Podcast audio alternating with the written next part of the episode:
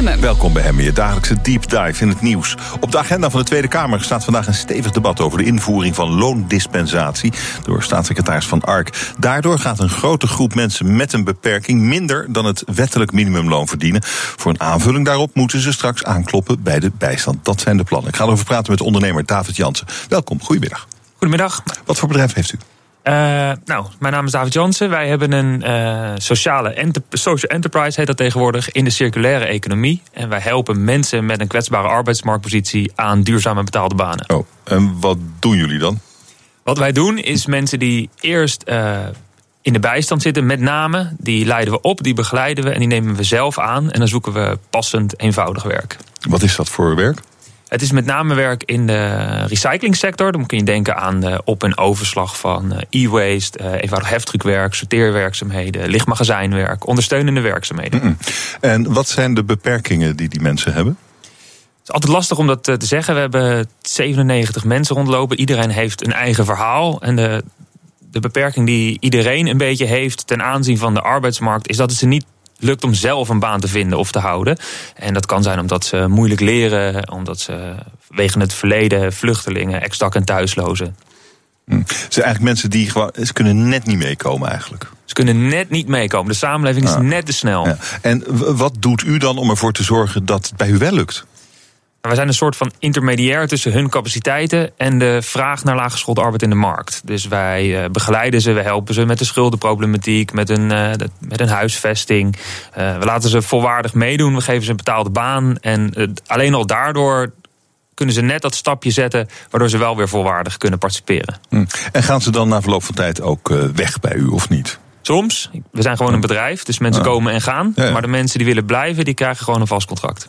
Nou is het de huidige regeling die werkt eh, als volgt. Hè. De werkgever betaalt de werknemer naar zijn productiviteit... en de rest wordt aangevuld met een subsidie eh, die de werkgever krijgt. Ehm, nou, nou zegt de, het kabinet, de aanvraag van die subsidie... dat zorgt voor veel eh, ge- eh, ge- gedoe en administratieve druk bij die ondernemer. Heeft u veel werk aan deze regeling met, met 97 mensen die daaronder vallen? Ik moet je eerst, voordat ik antwoord geef op de vraag, even verbeteren. Want het verschil zit hem erin dat ik betaal de mensen niet naar productiviteit. Ik betaal de mensen gewoon een volwaardig salaris. 100% van het, van het salaris betaal ik. En ik word aan de achterkant gecompenseerd voor eh, de afstand die ze hebben tot de reguliere arbeidsmarkt. Maar wat is de, wat is, waar, hoe werkt dat dan? Is dat voor iedereen, voor elke ondernemer zo? Ik, voor- ik zei het gewoon Voor- fout. Je zei het, nou ja, dat, dat, dat klinkt Nee, zo naar. Nou ja, goed.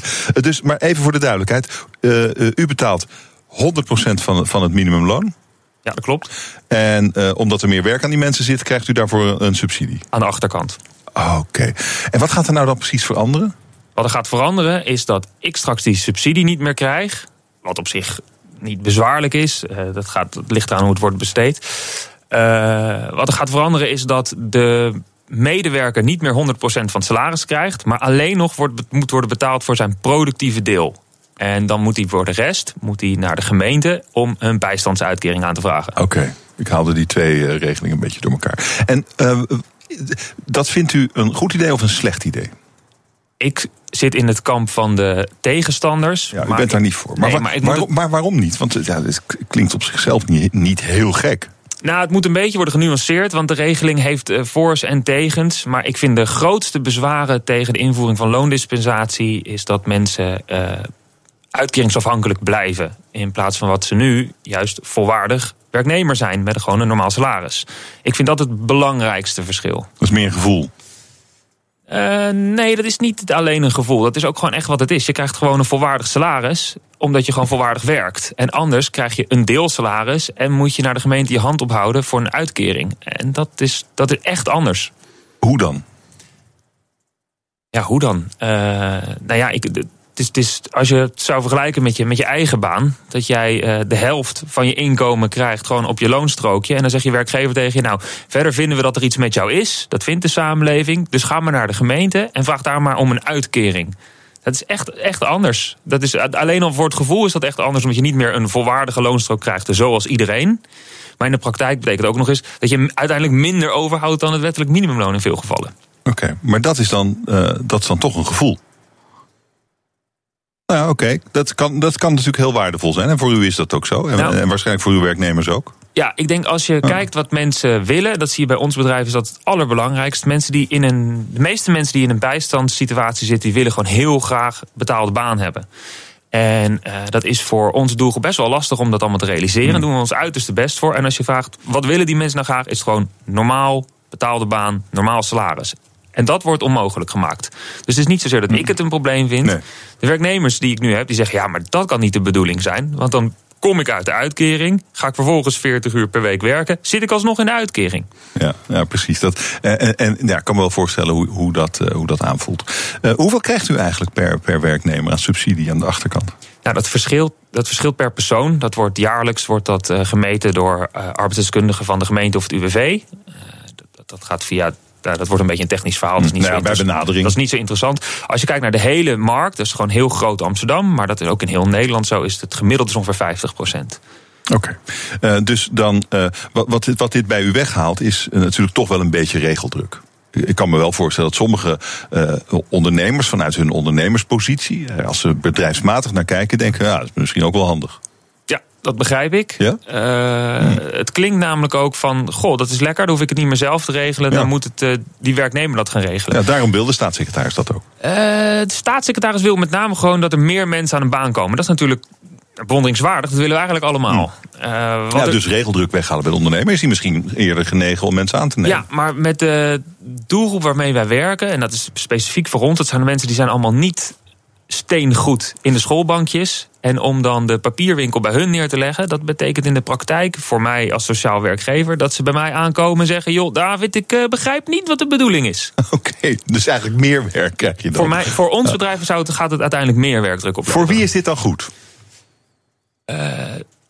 Het wetsvoorstel is goed voor. In, in twee gevallen is het, is het echt een, is een bijdrage. Ehm, vind ik nog steeds dat je het anders zou moeten schrijven. Maar in twee gevallen is het echt een verbetering ten aanzien wat er nu gebeurt. Het is een verbetering voor mensen die slechts zeer beperkte uren kunnen werken. Want die gaan vanaf dag 1, vanaf uur 1, gaan ze er iets op vooruit. En dat is met de huidige wet niet zo. Ik ben van mening dat je dat anders zou moeten organiseren, maar dat is wel een, voor, een voordeel van loondispensatie. Het tweede voordeel is, is voor grote werkgevers, moet je denken aan de grote supermarkten, eh, bijvoorbeeld, die in meerdere arbeidsmarktregio's of in meerdere gemeentes werkzaam zijn, dat die allemaal gebruik kunnen maken van eenzelfde eenduidig pakket van regels. En dat is nu, met de deze centralisaties van het beleid, is dat bij veel gemeentes net even anders. En dat is natuurlijk lastig en vervelend. Ja, dat zijn toch wel voordelen. Maar die wegen wat, wat u betreft niet op tegen het nadeel voor uw werknemers. Ik vind het eh, weghalen van wettelijk minimumloon voor mensen. Daar weegt eigenlijk niks tegenop. Dat is een basisrecht. En als je dat gaat wegstrepen, dat moet op een betere manier in te regelen zijn. Is er, is, er een, eh, is er een betere oplossing? Waarbij u. Nou, misschien er zitten een paar goede kanten aan dit nieuwe voorstel, hè, stelden we net vast. Eh, maar misschien is er wel iets dat het oude en, het, en de goede kanten van het nieuwe met elkaar kan verenigen. Ziet u een oplossing? Jazeker, dat is eh, ik niet alleen. Er zijn heel veel partijen die alternatieven zien op basis van dit voorstel. En ik denk dat de belangrijkste elementen daarvan zijn... is dat je wil dat mensen vanaf dag één dat werken loont. Een alternatief daarop kan bijvoorbeeld zijn hoe dat in Amsterdam wordt geregeld via de regelluwe bijstand. Dat is ook gewoon een ambtelijk instrument. En dat betekent dat je naast je bijstandsuitkering een bepaald bedrag kan bijverdienen voordat die wordt ingehouden op je uitkering. Nou, dat is precies voor die mensen die slechts een bepaald aantal uur, beperkt aantal uren kunnen werken. Die kunnen dan net die 100, 120 euro per maand extra verdienen, waardoor toch die prikkel is om aan de slag te gaan. Oké, maar dan is het toch wel weer een beetje als het, als het zelfbeeld van uw werknemer belangrijk is. eh, dan, hier zit in dat voorstel zit dan toch weer die bijstand als belangrijkste component. Terwijl u zegt het minimumloon verdienen, dat is belangrijk. Ik vind dat zeer belangrijk. En dat gaat met name om. Kijk, er zit een verschil tussen uh, minimumloon verdienen. Dat, de discussie daarin wordt een beetje verdraaid. Want minimumloon is niet een bedrag. Dat is een bedrag wat is gekoppeld aan een aantal uren. Dat is niet een fix bedrag. Bij fulltime is dat 1580 euro in de maand. Dat is al niet veel geld, maar dat is het bedrag. Uh, bij ons werken de meeste mensen fulltime of 32 uur bijvoorbeeld. En dat betekent dat je met je inkomen 100% onafhankelijk bent van de uitkering. Verdien jij, uh, werk je maar minder dan 24 uur, dan verdien jij minder dan de bijstandsnorm. En dat betekent dat jij altijd zal worden aangevuld tot die bijstandsnorm. Hmm. Betekent ook dat als jij gaat werken, minder dan 24 uur, dat jij niet met je totale inkomen boven die bijstandsnorm komt. En dat is, dat is een. Uh, dat motiveert dan weer. Je wil mensen motiveren dat het, dat het lonen werken loont. Ja. Is het, uh, u zit al de hele dag naar het debat te kijken? Hè? Ja, zeker. Dus het, ja. en uh, welke kant gaat het op? Wat verwacht u? Nou ja, wat je ziet in het debat, en dat is best wel interessant, is. Uh, er is veel, veel geluid, er is veel reuring. Er zijn ook. Alle partijen die hebben als visie dat werken moet lonen. En dat we meer banen, meer werkgelegenheid willen creëren voor mensen voor wie dat niet vanzelfsprekend is.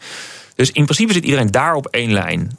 Wat je natuurlijk hebt in een, in een democratie is dat er een, dus ligt nu een coalitieakkoord op tafel. Daarin is het instrument loondispensatie neergelegd. En daar is eigenlijk de voltallige. Uh, nou, alles wie niet, iedereen die niet in de coalitie zit, die is er in, in principe tegen. Um, en dat, dat is een hele lastige discussie. Want je krijgt dan een kamp we, hebben dat, we hebben dat gisteren ook gehoord, met politieke discussie over, over. Dus je krijgt een twee-kampen systeem. En de kunst is, en ik hoop dat daar wordt, daar wordt ook wel langzaam naartoe geredeneerd, dat mensen gewoon opnieuw met elkaar om tafel gaan. Opnieuw gaan praten. Wat willen we nou bereiken? En wat is daarvoor de beste manier? Hmm. Ik denk als dat de conclusie wordt vandaag, dat we een pas op de plaats doen en echt opnieuw gaan kijken dat dat het hoogst haalbare is. Ja, dat weten we aan het eind van de dag. Hartelijk dank voor dit gesprek, David Jansen, sociaal ondernemer. Dank. Een simpel broekje met elektroden kan het leven van dwarslesie-patiënten een stuk aangenamer maken. Zometeen in Van Goed naar Beter praat ik met de man die die techniek in ons land introduceerde. BNR Nieuwsradio. Hemmen. Van goed naar beter. Er gaat heel veel goed in ons land, maar laten we vooral ambitieus blijven. Het kan natuurlijk altijd beter. Vandaag in Van Goed naar Beter een broek met elektroden... die het leven van mensen met een dwarslesie aangenamer moet maken. Mijn gast is revalidatiearts Christophe Smit van revalidatiecentrum Reade. Welkom, goedemiddag. Dank u wel, heel hoe, fijn. Hoe helpt uw broek mensen met een dwarslesie? Uh, waar het om gaat is dat het een broek is met ingebouwde elektroden. En die uh, geeft eigenlijk stroom door de huid heen, zodat verlamde spieren, die mensen met een dwarslesie hebben, geactiveerd worden. Wat hebben ze daaraan? Heel veel. Uh, mensen met een dwarslesie die, eh, ja, hebben een inactief deel van hun lichaam, een verlamd lichaam. En dat wordt slechter met de tijd. Kunnen we ons alles bij voorstellen. Botten worden slechter, spieren worden slechter, huid wordt slechter. En omdat ze dan ook nog eens verlamd zijn en, en eigenlijk de hele dag in de rolstoel zitten, vallen soms letterlijk op zoals gezegd de, de gaten erin. En dat is een groot probleem dat veel voorkomt en veel leed uh, veroorzaakt. Bij de mensen doorlichtwonden eigenlijk. Eigenlijk doorlichtwonden. Ja. Je zou zeggen door zitwonden in dit geval. Hmm. En Hoe erg daar wilden wij wat aan doen. Hoe erg is dat om uh, door zitwonden te dat hebben? Dat is vreselijk. Ik maak dat mee. Ik werk nu 17 jaar als revalidatiearts. Het hebben van een dwarslesie is, is natuurlijk een drama. Ja. Dat gun je niemand, door wat voor reden ook. Maar dat je vervolgens zo'n wond krijgt... en 80, 85 procent van de mensen met een dwarslesie krijgt dat... gedurende het leven... betekent dat je weken tot maanden moet liggen. Want je kan niet zitten. Ja, die doet zich dan voor op, gewoon op de billen eigenlijk. Op je zitvlak op je zitvlak. En daar mag je niet, inderdaad niet op zitten. Je moet liggen, eh, weken tot maanden. Veel kosten, veel leed, fysiek, mentaal, kan je van alles bij voorstellen. En met met dat idee, daar wilden wij iets aan doen. En samen in Reade, samen met de faculteit bewegingswetenschappen van de VU, professor Thomas Jansen, zijn we uh, een methode gaan ontwikkelen om die billen eigenlijk weer gezond te maken. En dat is die broek geworden. Maar uh, u zei al, die, die broek die stimuleert spieren om samen te trekken. Ja. Uh, dus nou, te bewegen eigenlijk. Terwijl de, de persoon dat zelf natuurlijk niet meer kan. Uh, maar wat is daar dan van het goede effect op die doorlichtwonden? Uh, die wonden ontstaan omdat dus, wat ik al zei, het lichaam inactief ja, wordt. Het zit en dan, je ja. zit op spieren die dunner worden, die vervetten, die slechter door bloed raken. En u en ik, wij krijgen een houten kont als we lang zitten. Hè? Dat is eigenlijk het gevoel van de zuurstofschuld naar je billen. Oh, stel het. De mensen met een dwars, dat is het. Daar, daarom staan wij hier. Daarom staan wij hier. we zitten niet. Nee, maar als je lang zit, je kijkt de film, dan krijg je dat gevoel. En mensen met een dwarslezing die krijgen dat gevoel ook. Alleen ze voelen het niet. Ja. En op een gegeven moment gaan er cellen stuk. En die, die cellen gaan stuk, daar komt vochtophoping. En dat vocht werkt zich naar buiten en ontstaan grote wonden... die dan inderdaad dus ja. tot bedrust uh, dwingen en geopereerd moeten worden. En die boek die u bedacht heeft met die elektroden... die geven impulsjes aan die spieren zodat ze gaan bewegen. Maar uh, ze zitten nog steeds. En dat is het mooie. De spieren worden niet alleen gezond doordat ze weer gaan bewegen, die verlamde spieren. We nemen eigenlijk de functie van de hersenen die de spieren normaal aansturen over door prikkels door de huid heen te geven. Maar we hebben ook onderzocht dat door te activeren in zit, de druk van de plekken afgaat waar je hem juist vanaf wil hebben. Ah, dus je zit niet door eigenlijk. En je voorkomt daarmee het doorzitten. 100 procent. of niet? Nou, het gaat altijd om risico's. En je verlaagt het risico uh, in grote mate. Maar wat is grote mate? Ja, u, u, u, past dat toe, u, u weet dat. Of, u spreekt mij nu aan als wetenschapper. En dan moet ik natuurlijk voorzichtig zijn. Als wij in de kroeg stonden, dan zou ik tegen, tegen u zeggen... Uh, als ik een dwarslesie had, zou ik vanaf het begin... elektrostimulatie van mijn billen willen. Ja, want geen doorlichtwonden dan. Want je voorkomt er wonden mee. Uh, hoe kwam u op dat idee?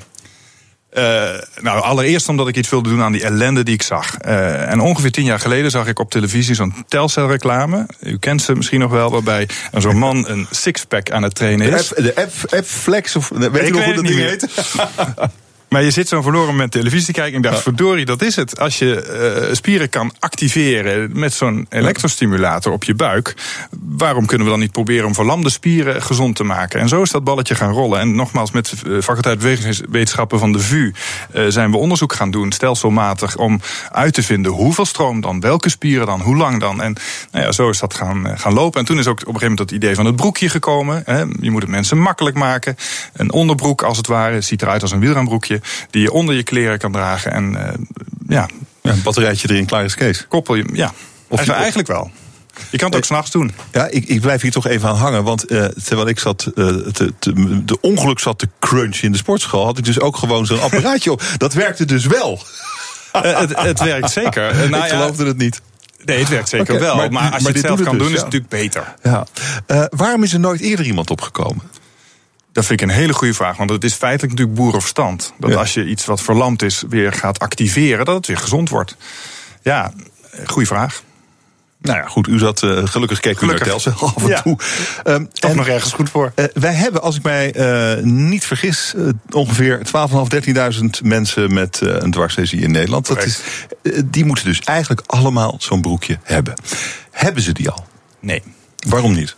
Uh, nou ja, omdat we beginnen. Hè, er zijn steeds meer mensen die het gebruiken. Overigens moet ik zeggen, het hoeft niet per se met een broekje. Het kan ook met losse elektroden, die elektrostimulatie. Uh, nou ja, we rollen dat uit. Uh, steeds meer mensen zijn geïnteresseerd. Mensen komen vanuit heel Nederland nu naar Riade, naar het elektrostimulatie expertisecentrum dat we hebben opgezet. One-stop shop. Dus ook uit Groningen of uit Maastricht. Je komt, je ziet de dokter. Je gaat daarna door naar de therapeut. Je probeert uit wat voor jou werkt. En je gaat met een advies naar huis. En in dat advies nemen we ook altijd mee hoe het bij de ziektekostenverzekeraar vergoed kan worden. Het wordt al vergoed? Nee, het wordt niet vergoed. Door niemand? Het is op steeds individuele basis. Dus bij elke patiënt opnieuw moet ik contact gaan opnemen met de ziektekostenverzekeraar, met de medisch adviseur. Heel gedoe om hem aan de lijn te krijgen. En dan hopen dat het vergoed wordt. Waarom is dat? Ja, dat is ook een goede vraag. Dat is eigenlijk onbegrijpelijk. Het is pennywise, pound foolish, zoals de Engelsen het zouden zeggen, uh, dat de verzekeringen dat niet vergoeden. Uh, het zijn verschillende potjes. Het is een potje voor voorzieningen en een potje voor zorg. En dat zijn niet dezelfde potjes. Uh, één elektrostimulator of één broekje is ongeveer even duur als twee dagen opgenomen zijn in een revalidatiecentrum. Voor mij is het onbegrijpelijk dat dit niet wordt vergoed. Ja, want u zei net, je moet misschien wel maanden liggen in een revalidatiecentrum. Um, Ziet u licht uh, aan het eind van de tunnel? Gaat dit wel goed komen? Qua vergoeding? Natuurlijk zien we licht aan het eind van de tunnel. Ja, we, nou ja, ik, ik, dit, dit helpt ook. Ik denk, uh, de patiëntenvereniging staat helemaal aan, aan onze kant. Wij gaan in gesprek met uh, vertegenwoordiger van de minister uh, van het Zorginstituut Nederland. Hè, dat is de paraplu-organisatie boven de hmm. diverse ziektekostenverzekeringen, zoals Zilverkruis, nou, noem ze op. om te proberen een soort voorwaardelijke erkenning te krijgen. Dat betekent zoveel als dat ze zeggen, nou oké, okay, ga het maar doen. We vergoeden het, maar ondertussen moeten jullie onderzoek doen om aan te tonen dat het inderdaad minder wonden geeft. Ja. Nou, dat, dat, is een uitdaging die wij heel graag aangaan. U weet toch al dat het minder wonden geeft? Uh, ja, we weten dat de risicofactoren. Ja, zeker. Uh, de risicofactoren op de cubitus, op die, op die drukwonen, die, die nemen allemaal af. Maar het lange onderzoek, dat hebben we nog steeds niet kunnen doen. Het is ontzettend moeilijk om mensen heel lang te volgen en dan te zien dat er inderdaad minder wonden komen. Dat is de uitdaging. Het kost de broek? Om en nabij 500 euro. 500 piek. Dus mensen die hem nu hebben, die kopen hem zelf. En nou ja, oké, okay, dat is 500, is best veel geld. Maar dan heb je toch gewoon een end gemaakt aan een groot probleem. Hoeveel heeft u er inmiddels verkocht? Om en nabij de 100. Het beginnen klein, we moeten, dat, moeten het groter maken. Dit kan uh, voor mensen in de hele wereld een oplossing zijn. Hè? Ziet Zeker. u uw markt als zodanig ook? Ja, dan word ik miljonair. Nee. Dat wens ik u toe. Ja, nee, absoluut niet. Nee, zeker. Dit, Ja. eh, we, spreken op internationale congressen en er is ontzettend veel eh, eh, belangstelling voor. Ja, dit is iets wat wereldwijd. eh, ik denk, als je ergens op de wereld een dwarslesie krijgt, dan bof je als het in Nederland is, heb je perfecte revalidatiezorg, eh, levenslang. Maar eigenlijk moet je op de hele wereld aan die elektrostimulatie beginnen. Maar eh, eh, u, u- u zegt, ik word geen miljonair. Maar hoeveel mensen met een dwarslesie zijn er in de wereld? Dat zijn er, dat zijn er tientallen miljoenen. Moet wel. Dat zijn Ja, tientallen klopt. miljoenen keer 500 piek.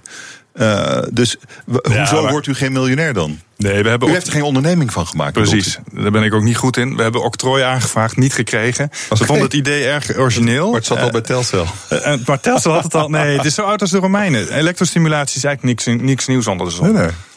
Maar had u toch een bedrijf van kunnen maken? Is dit niet een gemiste kans? Ja, ik, ik hou ervan om mensen als dokter te behandelen. Dank u wel voor dit gesprek. Christophe. Smit van Revalidatiecentrum Reade. Dank u wel. Nieuwsradio. Hemmen. Hemmen. Fijn dat je luistert naar hem en je dagelijkse deep dive in het nieuws. De nieuwe Daphne Schippers of de nieuwe Sven Kramer vinden, dat is de opdracht van mijn gast. Hij is verantwoordelijk voor talentontwikkeling bij NOC-NSF. Deze week werd op het Nationaal Coach-platform het boek De Weg naar het Podium gepresenteerd over hoe je sportief talent vindt en ontwikkelt. Kajan Bol, welkom. Goedemiddag, mooi dat u er bent. U zoekt dus eigenlijk een speld in een hooiberg. Want hoeveel talent is er eigenlijk in Nederland? Ja, dat is altijd de meest moeilijke vraag om te beantwoorden hoeveel er zijn. Er zijn er voldoende, zeg ik dan altijd. Eh, het is alleen een kwestie van hoe vinden we ze. Nou, oké, laten we eerst eens even, daar komen, we, daar komen we op. Laten we eerst eens even kijken, wanneer is iemand een talent in uw definitie? Ja. Eh, wij, wij hanteren eh, meerdere componenten spelen daarin een rol. Het eerste is gewoon wat krijg je van papa en mama mee. Je krijgt gewoon eigenlijk een blauwdruk mee van waarbinnen je kan opereren. Ehm, dat is altijd heel belangrijk en dat noemen wij dan ook aanleg. Dat krijg je mee. Aanleg kan je zien door veel sporten te gaan doen. Want als je kinderen gewoon heel veel sporten laat doen, dan zal de aanleg zich uiteindelijk gaan ontpoppen in de sport waar ze het snelst ontwikkelen. Ehm, dat is dus stap één voor ons. Laat, laten we die kinderen eens gewoon heel veel sporten beoefenen. Dan gaat u gewoon kijken hoe ze dat doen. En Gewoon hoe, hoe ze bewegen. Hoe ze dat oppakken. Oké. Dus het is echt een, een, een ontwikkelsnelheid zit daarin. Ehm, de tweede component is vervolgens natuurlijk die aanleg dusdanig oppakken en ontwikkelen dat het uiteindelijk echt talent wordt. En dat ze aan competenties of kennis of vaardigheden gaan voldoen die je nodig hebt om topsport te bedrijven. En, dat, en welke zijn dat? Dat is uiteindelijk de, de, de reis die topsporters hebben, be- zelf hebben bewandeld. Dus dan pakken we de Sven Kramers, dan pakken we de Daphne Schippers. En dan gaan we kijken, ja, toen zij 15 jaar waren, wat konden zij toen al? Eh, en daar ga je het mee vergelijken. Eh, Oké, en ik weet niet precies, maar laten we dat eh, even uitlopen. Dit, eh, dit spoortje, dat is mooi. Sven Kramer, wat kon die toen hij acht was? Ja, en dan is weer de volgende vraag inderdaad. Moet je kijken wanneer die acht is? Oh, oké. Eh, eh, Wanneer kijkt u? Wij kijken pas en wij hanteren, zijn er best wel strikt in eigenlijk. Dat we zeggen, we, we adviseren bonden om niet eerder te gaan kijken... dan dat we de acht jaar voordat ze op een wereldkampioenschap... of Olympische Spelen kunnen presteren. Ja, en, dat is ook rond een jaar of twaalf, denk ik. Misschien Nee, dan, dan zit je al vaak tussen, laten we zeggen, rond de 14, 15 jaar. Ah, oké. Ja. Oké. En dan kijkt u dus naar wat kan iemand en dan vergelijk je hem dus met Sven Kramer. Ja. Nou, wat maakte dat Sven Kramer zo waanzinnig goed is dat u dat al op zijn 14e, 15e kon zien? Ja, dan moeten we echt gaan kijken naar wat, wat kon Sven Kramer op, op, op, op technisch gebied in het schaatsen. Wat, wat voor volume had hij even qua longinhoud. Eh, al die gegevens die, die zijn in het verleden ook nog wel eens verzameld door de Universiteit van Groningen. Eh, die moeten we inzichtelijk krijgen. Maar niet alleen van één Sven Kramer. Ik bedoel, Sven kan altijd een uitzondering op de regel zijn. Dus we zoeken eigenlijk meerdere Sven Kramers die dat podium steeds maar weer weten te halen. En dan gaan we kijken wat is een beetje de route die deze mensen hebben bewandeld. Oké, en dan, dan heeft u dus al die kinderen die daar hun best doen eh, op zo'n op zo'n dag. Want u heeft ze dan allemaal bij elkaar, denk ik. En dan laat u ze al die dingen doen. En dan ziet u er al die kinderen, misschien wel honderden. Hoeveel daarvan eh, neemt u mee naar Papendal? Eh, nou, de, de cijfers zijn op dit moment. Wij hebben in de laatste drie jaar, toen wij deze dagen zijn gaan organiseren. Want dit- u spreekt nu over de, de talentdagen die wij hebben georganiseerd. eh, hebben wij ongeveer duizend kinderen getest in, in, in drie jaar. En op dit moment zitten er ongeveer 30 in de verschillende opleidingsprogramma's. Oké, vindt u dat veel of weinig? Ik vergelijk het, dus ik kan het altijd maar alleen maar vergelijken met andere landen die ook dit soort eh, eh, dagen organiseren. Eh, en dan komt het redelijk overeen. Dus, dus we hebben niet meer of we halen niet minder uit dan andere landen. En nou ja, hoeveel Olympisch goud loopt daartussen? Ja, dat moet altijd gaan blijken. Die, die Is daar niets over te zeggen nu? die voorspelling ga ik nooit aan. Ze hebben natuurlijk allemaal potentieel. En, Maar er moeten er zijn waarvan u denkt: wauw, die hebben echt potentieel. Eh, die zullen er altijd zijn. eh, maar we Een geven paar. iedereen die in dat opleidingsprogramma zit, heeft voor ons potentieel. En Natuurlijk, evenveel maar- potentieel. Nee, dat kan niet. Ja, Dat is niet waar. dat is Dat wel zegt waar. u. Nee. Maar dat is niet zo. Nee. Echt? Nee. Iedereen in dat programma, eh, anders willen we ze ook niet in het programma hebben. Dus iedereen in het programma heeft voor ons zit binnen de marges waarvan we zeggen, ja, dan kan je nog steeds dat. Ja, natuurlijk. Maar sommigen zijn beter. Er lopen natuurlijk superatleten rond. En waanzinnige superatleten. Sommigen lopen voor in hun, in hun vorming. Oh, Maar dat zou het kunnen zijn. Ja, maar dat betekent nog niet dat ze uiteindelijk over twee Oh, ja. jaar of drie jaar ook nog steeds beter zijn. Oké, oké. Ehm, dan is de, de vraag natuurlijk de mentale component van zoiets. Hè. Dat, ehm, kijkt, kijkt u daar ook naar? Of iemand de wil heeft om een topsporter te worden? Ja, wij hebben daar toevallig een, een, een- begin februari een, een onderzoek eh, eh, eh, eigenlijk afgerond. Eh, we noemen de mentale component, hebben wij vertaald naar prestatiegedrag. Zo noemen wij het tegenwoordig binnen, binnen Team NL. Eh, en dan kijken we dus naar de gedragscomponenten die bijdragen aan jouw ontwikkeling. Eh, dus, dus denk hier aan aanpassingsvermogen, doorzettingsvermogen, wat u net zei, presteren onder druk. Dat zijn allemaal elementen waarvan we zeggen, ja, daar moeten we mee aan de slag gaan. Maar aan de andere kant, we hebben geen vast bewijs dat als je een van deze componenten niet zou hebben, dat je het podium nooit kan halen. Dus we, we moeten het hebben, we moeten ermee aan de slag. Maar het gaat niet per se, eh, eh, als je het niet hebt, dat je dan kan zeggen, nou dan gaan ze het ook nooit meer halen. Die 30 eh, die u in dat programma op, opneemt, hè, welke sporten doen die zo allemaal?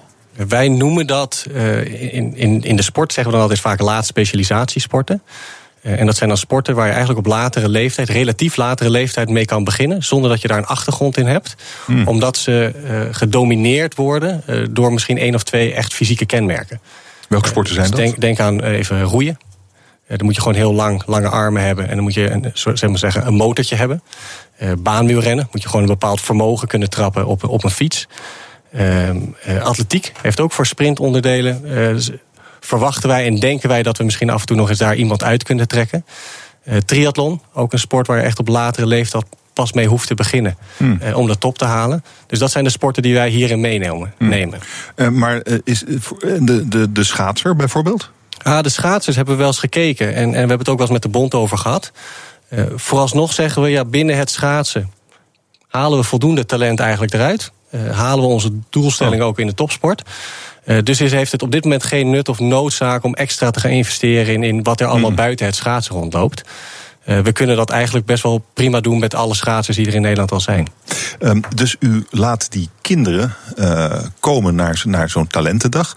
Eh, maar dan krijgt u natuurlijk alleen maar kinderen die eh, graag zo getest willen worden. Of die ouders hebben die graag willen dat de kinderen getest worden. Het kan natuurlijk ook zijn dat je daardoor talenten mist. Of gaat u ook echt op zoek? Gaat u ook echt scouten? Nou, laten we gelijk duidelijk zijn, we gaan altijd talenten missen. Ik, ik zeg dat ook altijd tegen bonden. Van ja, er lopen altijd mensen rond die we nooit gaan zien. En die misschien wel alles in zich hebben om die top te halen. Dus dat moeten we maar even leren accepteren. Ehm, en dat klopt. We, we, we willen nog meer met zo'n programma als een talentdag.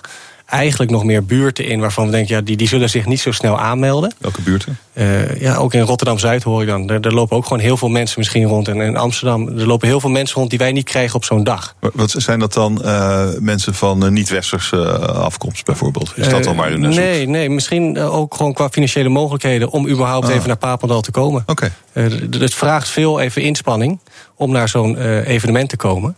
En we proberen dus eigenlijk dichter naar de doelgroep te, te gaan. We merken daarentegen ook, soms krijgen we de doelgroep er wel, eh, dat ze toch niet de motivatie hebben of de wil hebben om echt iets in die sport te doen. En dat is jammer, want we zien enorm veel potentie in, af en toe in een aantal van die sporters. Eh, maar dan vallen ze toch weer gedurende het proces later gewoon toch weer uit. Maar je hebt toch veel, eh, veel verenigingen, die kinderen zijn, die een talent hebben, die zijn waarschijnlijk al ergens aan het sporten. Eh, die, die worden niet aangeleverd door de club zelfs, de, door verenigingen zelf. Verenigingen niet. We hebben dat Ah. wel eens geprobeerd. En in het buitenland is het ook wel eens geprobeerd. Met name even in, in Engeland bij de grote sporten. Zoals rugby en, en voetbal. Eh, maar die bonden stonden er niet voor open om, om eigenlijk min of meer onder hun doelgroep te gaan communiceren. Meld je aan voor zo'n dag. Dus wij hebben het anders aangepakt. Wij zijn vooral de kant op gegaan om docenten eh, of gymdocenten te benaderen. Want die zien eigenlijk al die kinderen gewoon dagelijks actief. Zijn die er nog, gymdocenten? Ze zijn er nog wel, zeker in het voortgezet onderwijs. Ja, oké. Eh, en dat is wel de leeftijdscategorie Ja, ja, waar wij precies, natuurlijk ja. actief zijn. Oké, dus, die, dus die sturen door eigenlijk. Ja. En daarnaast die ouders. Hoe groot is de rol van ouders? Eh, de rol van ouders is altijd e- e- enorm groot. Ouders hebben met name ook enorme invloed op dat prestatiegedragdeel wat ik net noemde. Dus ja, hoe, hoe ga je ermee om? Maar ook wat doen zij voor die sporters? Ehm, eh, we merken op dit moment een, een enorme tendens ontstaan dat ouders heel veel onnodige hulp bieden. En daardoor bijna een obstakel zijn in de ontwikkeling van die kinderen. In plaats van dat ze Oh ja. eigenlijk wat, wat minder doen. Dat ze de tas dragen en Ja, zo van het ja, kind. We, we zien het steeds vaker voorkomen. En, en daar proberen wij ouders nu steeds meer in mee te nemen. Eh, en, en dan jat ik hem even vanuit een, een, een andere sport die dan zegt: ja, het zijn eigenlijk gewoon opleidingspartners van ons. Eh, dus we moeten ze meenemen, we moeten ze bewust maken van hun rol. Eh, maar dat ze er zijn, is een feit. Daar kunnen we gewoon niet omheen. Maar wat doen ouders verkeerd dan? Want als ze een belemmering zijn, doen ze wel een paar dingen verkeerd. Oh, het is niet zozeer verkeerd. Ze, ze proberen vanuit hun, hun eigen kennis en wat, wat zij een beetje aan ervaring hebben, het beste te doen voor een kind. En dat vind ik helemaal prima. Eh, maar het is heel belangrijk dat kinderen zelf leren en zelf fouten gaan maken. En daarvan leren en de volgende stap zetten. Maar eh, kun- kunt u dat concreter maken? Wat doen ouders om dat proces te verstoren? Eh, ze, rode, ze, ze leggen de rode loper uit. Dus in plaats van dat ze zeggen, ja, er, gaat iets op je afkomen, daar moet je mee omgaan. proberen ze eigenlijk alles al weg te halen, zodat het niet op hun afkomt. Oké, geef eens een voorbeeld. Wij kennen ouders die, nou, je noemde het zelf al het voorbeeld, hè, die, die sporters overal mee naartoe nemen. Tasjes dragen, alles voor die sporters regelen, financieren, noem het dan maar op. Eh, maar uiteindelijk aan het eind van de dag moet zo'n sporter wel weten waarom doe ik dit, wat haal ik eruit. Eh, en als die ouders dat nooit stimuleren ook, eh, ja, dan, dan heb je toch ergens gedurende het proces ga je ergens tegenaan lopen. Ja, dan hoor je, En met name op de latere leeftijd. en, en hoe uitzicht dan, dat dan op latere leeftijd? Wat zie je dan? Ze moeite hebben om met weerstand om te gaan. Ze Ze gaan tegenslagen krijgen en, en het steeds moeilijker daarmee leren omgaan. Eh, en dan gewoon uitvallen. Omdat ze dat niet weten hoe ze dat moeten trekken. Dus in talentontwikkeling is de ouder eigenlijk eh, de weakest link. Nou, ik zeg nooit de weakest link, maar het is een Het is een belangrijke, risico. het is een belangrijke link die erin zit. Ja. Die 30 eh, die nu in dat speciale toptalentenprogramma bij u zitten. daar vallen er natuurlijk ook van af. Ja. Hoeveel verliest u er onderweg? Van die 30 weer. Mhm. Oh, als, als daar eentje overblijft, dan denk ik dat wij al de koning te rijk zijn. Via zo'n eh, traject die we nu lopen. En hoeveel jaar heeft zo'n kind dan eh, doorgebracht op, eh, in, in dat programma? Wij hopen vier tot acht jaar. Dus zijn maar, maar, maar dan kan je dus ook nog. Ja, maar oké, maar ik bedoel de kinderen die afvallen. Die andere Eh, 29. Eh, vaak, even de grootste groep vanuit die duizend valt al af in de eerste drie tot zes maanden. Oké. En dan zal de, de, de, de tweede lichting, om het zo te noemen, echt grote afvallers zijn in de eerste twee jaar. Eh, en als ze eigenlijk die eerste twee jaar doorkomen, dat klinkt eigenlijk heel, heel cru, maar als ze eh, in principe zich ontwikkelen in de eerste twee jaar zoals we van beide kanten eh, verwachten, eh, dan is de kans heel groot dat ze ook echt dit volgende stap zetten en, en min of meer die acht jaar vol gaan maken. Dat is een teleurstelling voor die andere kinderen. Ja, hoort erbij. Levenshard. Ja. Zometeen praten we door over het talent, eh, ont, het ontwikkelen van die talenten die doorgaan in dat programma. BNR Nieuwsradio. Kajan Bol is mijn gast. Hij is bij NOC-NSF verantwoordelijk voor talentontwikkeling. We hadden het net over hoe je talent vindt, ook een beetje over hoe je dat dan gaat ontwikkelen. Ehm, wat verandert er nou precies in het leven van een kind dat als een talent wordt bestempeld? Je, zit, je bent een van die dertig, van die duizend eh, die, die bekeken zijn. Je hoort bij de beste. Dan ga je door, zit je in dat programma. Wat verandert er dan in je leven? Eigenlijk, ik denk bijna je hele leven. Eh, wij zeggen ook wel eens, je, je moet eigenlijk bijna je leven weer opnieuw gaan herinrichten. En dan moet je bij geholpen worden ook uiteraard. Eh, het, het, vak is op, was, was ooit misschien een beetje vrije tijdsbesteding, je deed het erbij. Eh, het wordt nu bijna je fulltime professie. Je bent er dagelijks mee bezig, misschien wel twee keer per dag. Je moet ook naar school. Je moet naar school, dus dat wilde ik net zeggen. Dus de afstemming Mhm. met school moet gaan plaatsvinden. Afstemming met vrienden moet gaan plaatsvinden. Het, het zou ook nog wel eens voorkomen dat je moet gaan verhuizen. Omdat uiteindelijk het programma waar alles gaat plaatsvinden in, in een andere stad is dan waar jij woont. Dus daar moeten keuzes eh, eh, genomen worden. Dus er verandert veel en er komt veel op die kinderen af. En hoe zorg je dan voor de ideale trainingsomgeving voor zo'n kind? Eh, nou, dat ga ik gelijk al zeggen. Ideaal eh, is misschien niet streven, is optimaal. Wat is de optimale omgeving? Is, is ervoor zorgen dat daar altijd mensen omheen lopen die jou op het juiste moment weten te prikkelen. Die jou op het juiste moment even dat steuntje kunnen geven die nodig is. Uh, die jou ook af en toe even ontlasten of helpen bij uiteindelijk de combinatie van sport en school. Uh, ook weer niet te veel, want dan kom ik weer bij het eerdere punt van weerstand. Uh, uiteindelijk moeten ze dat wel zelf doen. Dus, dus we moeten ze helpen om te kijken, oké, hoe ziet die weg eruit en welke weg moet je gaan bewandelen. Maar uiteindelijk moeten ze wel zelf die weg gaan bewandelen. Hoeveel staf loopt er om dat groepje heen? Je hebt altijd de coach. Fulltime talentcoaches hebben we in dienst. Of dat zijn in dienst van de sportbonden. Uh, er loopt vaak, als het om teamsporten gaat, ook nog assistenten rond. En dan hebben we altijd een, een expertgroep eromheen lopen op het gebied van prestatiegedrag. Experts op het gebied van fysieke trainingen. Experts op het gebied van uh, um, uh, voeding, hmm. diëtiek. we hebben ook wel eens dat we zeggen experts op het gebied van leefstijl. Dus omdat je weer even je leven opnieuw moet herinrichten, dat daar mensen even in kunnen ondersteunen. Maar met nadruk altijd op ondersteunen. Uh, niet in het overnemen, niet in het weghalen van. Maar in hun helpen, zodat ze die zelf die stappen weer kunnen zetten. Is het goed voor kinderen eigenlijk, zo'n programma? Uh, zou ik me afvragen als het over mijn kind zou gaan? Ja, uh, we hebben, als we kijken naar andere resultaten op school, doen al die kinderen het fantastisch. Uh, misschien doet ze er een jaartje langer over, maar ze halen bijna allemaal gewoon het niveau wat ze aankunnen en wat geadviseerd is.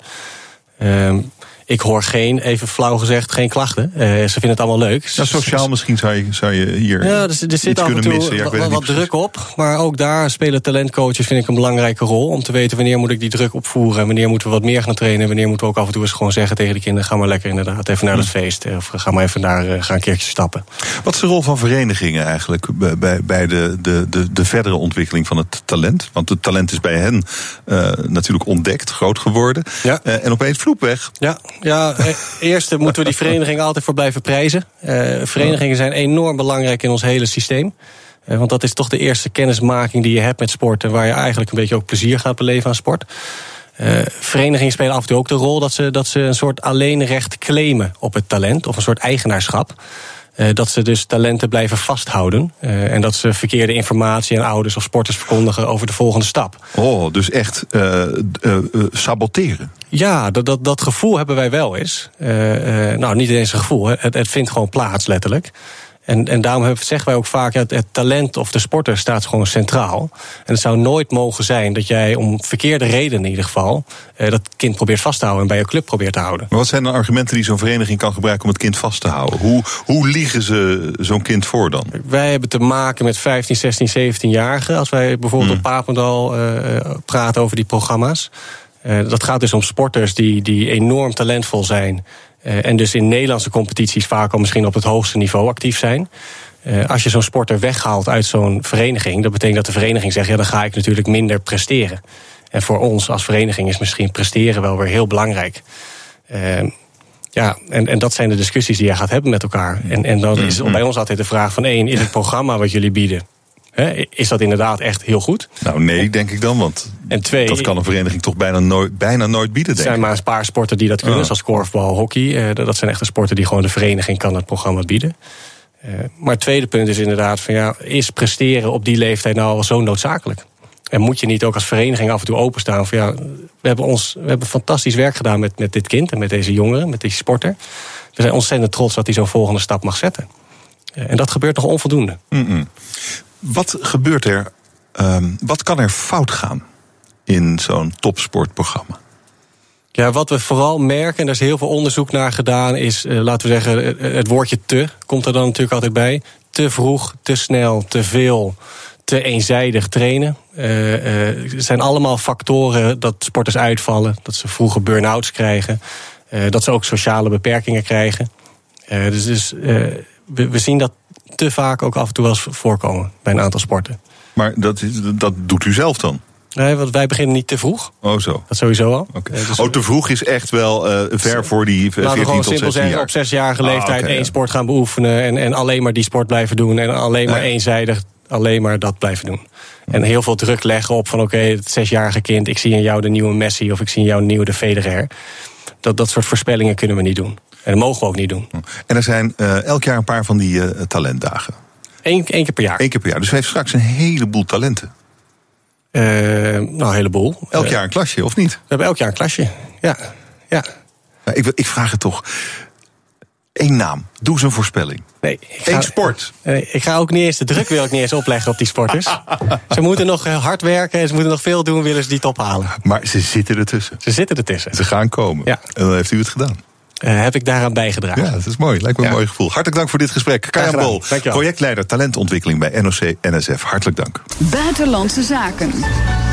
Peter Weininga is hier van het Haag Centrum voor Strategische Studies. En eh, wij bespreken verhalen uit de wereld die hem opvallen. Mooi dat je er bent, eh, Peter. Welkom. Goedemiddag. Ehm, als het gaat om de dreiging van nucleaire wapens... zijn de ogen van de wereld de laatste jaren vooral gericht op Noord-Korea, Iran. Maar we vergeten misschien een beetje de andere kant op te kijken... namelijk naar India en Pakistan. Dat heb jij wel gedaan. En wat zie je? Eh, daar zie je een ontwikkeling eh, waar je wel de nodige vraagtekens bij kunt zetten. Ja, inderdaad. Twee eh, landen met kernwapens. Ja. Al heel lang. Wat- Al sinds de jaren zeventig, allebei. Ja. En wat zie je nu veranderen? Ehm, wat je ziet in hun geschiedenis hebben de landen vele malen ruzie met elkaar gehad en ook daadwerkelijk met elkaar gevochten. Al die conflicten zijn conventioneel, met normale wapens, gevoerd. En zijn allemaal door India gewonnen. Ehm, en dat komt gewoon omdat India militair gezien, conventioneel militair gezien, veel sterker is dan Pakistan. Ehm, ehm, het, eh, wat je ziet is dat in Pakistan op een gegeven moment eh, de gedachte naar boven is gekomen: daar moeten wij India op een andere manier gaan aanpakken. Hun voornaamste eh, dispuut op dit moment gaat om de staat eh, Jammu Kashmir. En dat is een voormalig koninkrijkje waar ze allebei ruzie over maken en allebei claimen dat het bij nou ja, hun Ook land hoort. heel lang. Heel lang, inderdaad.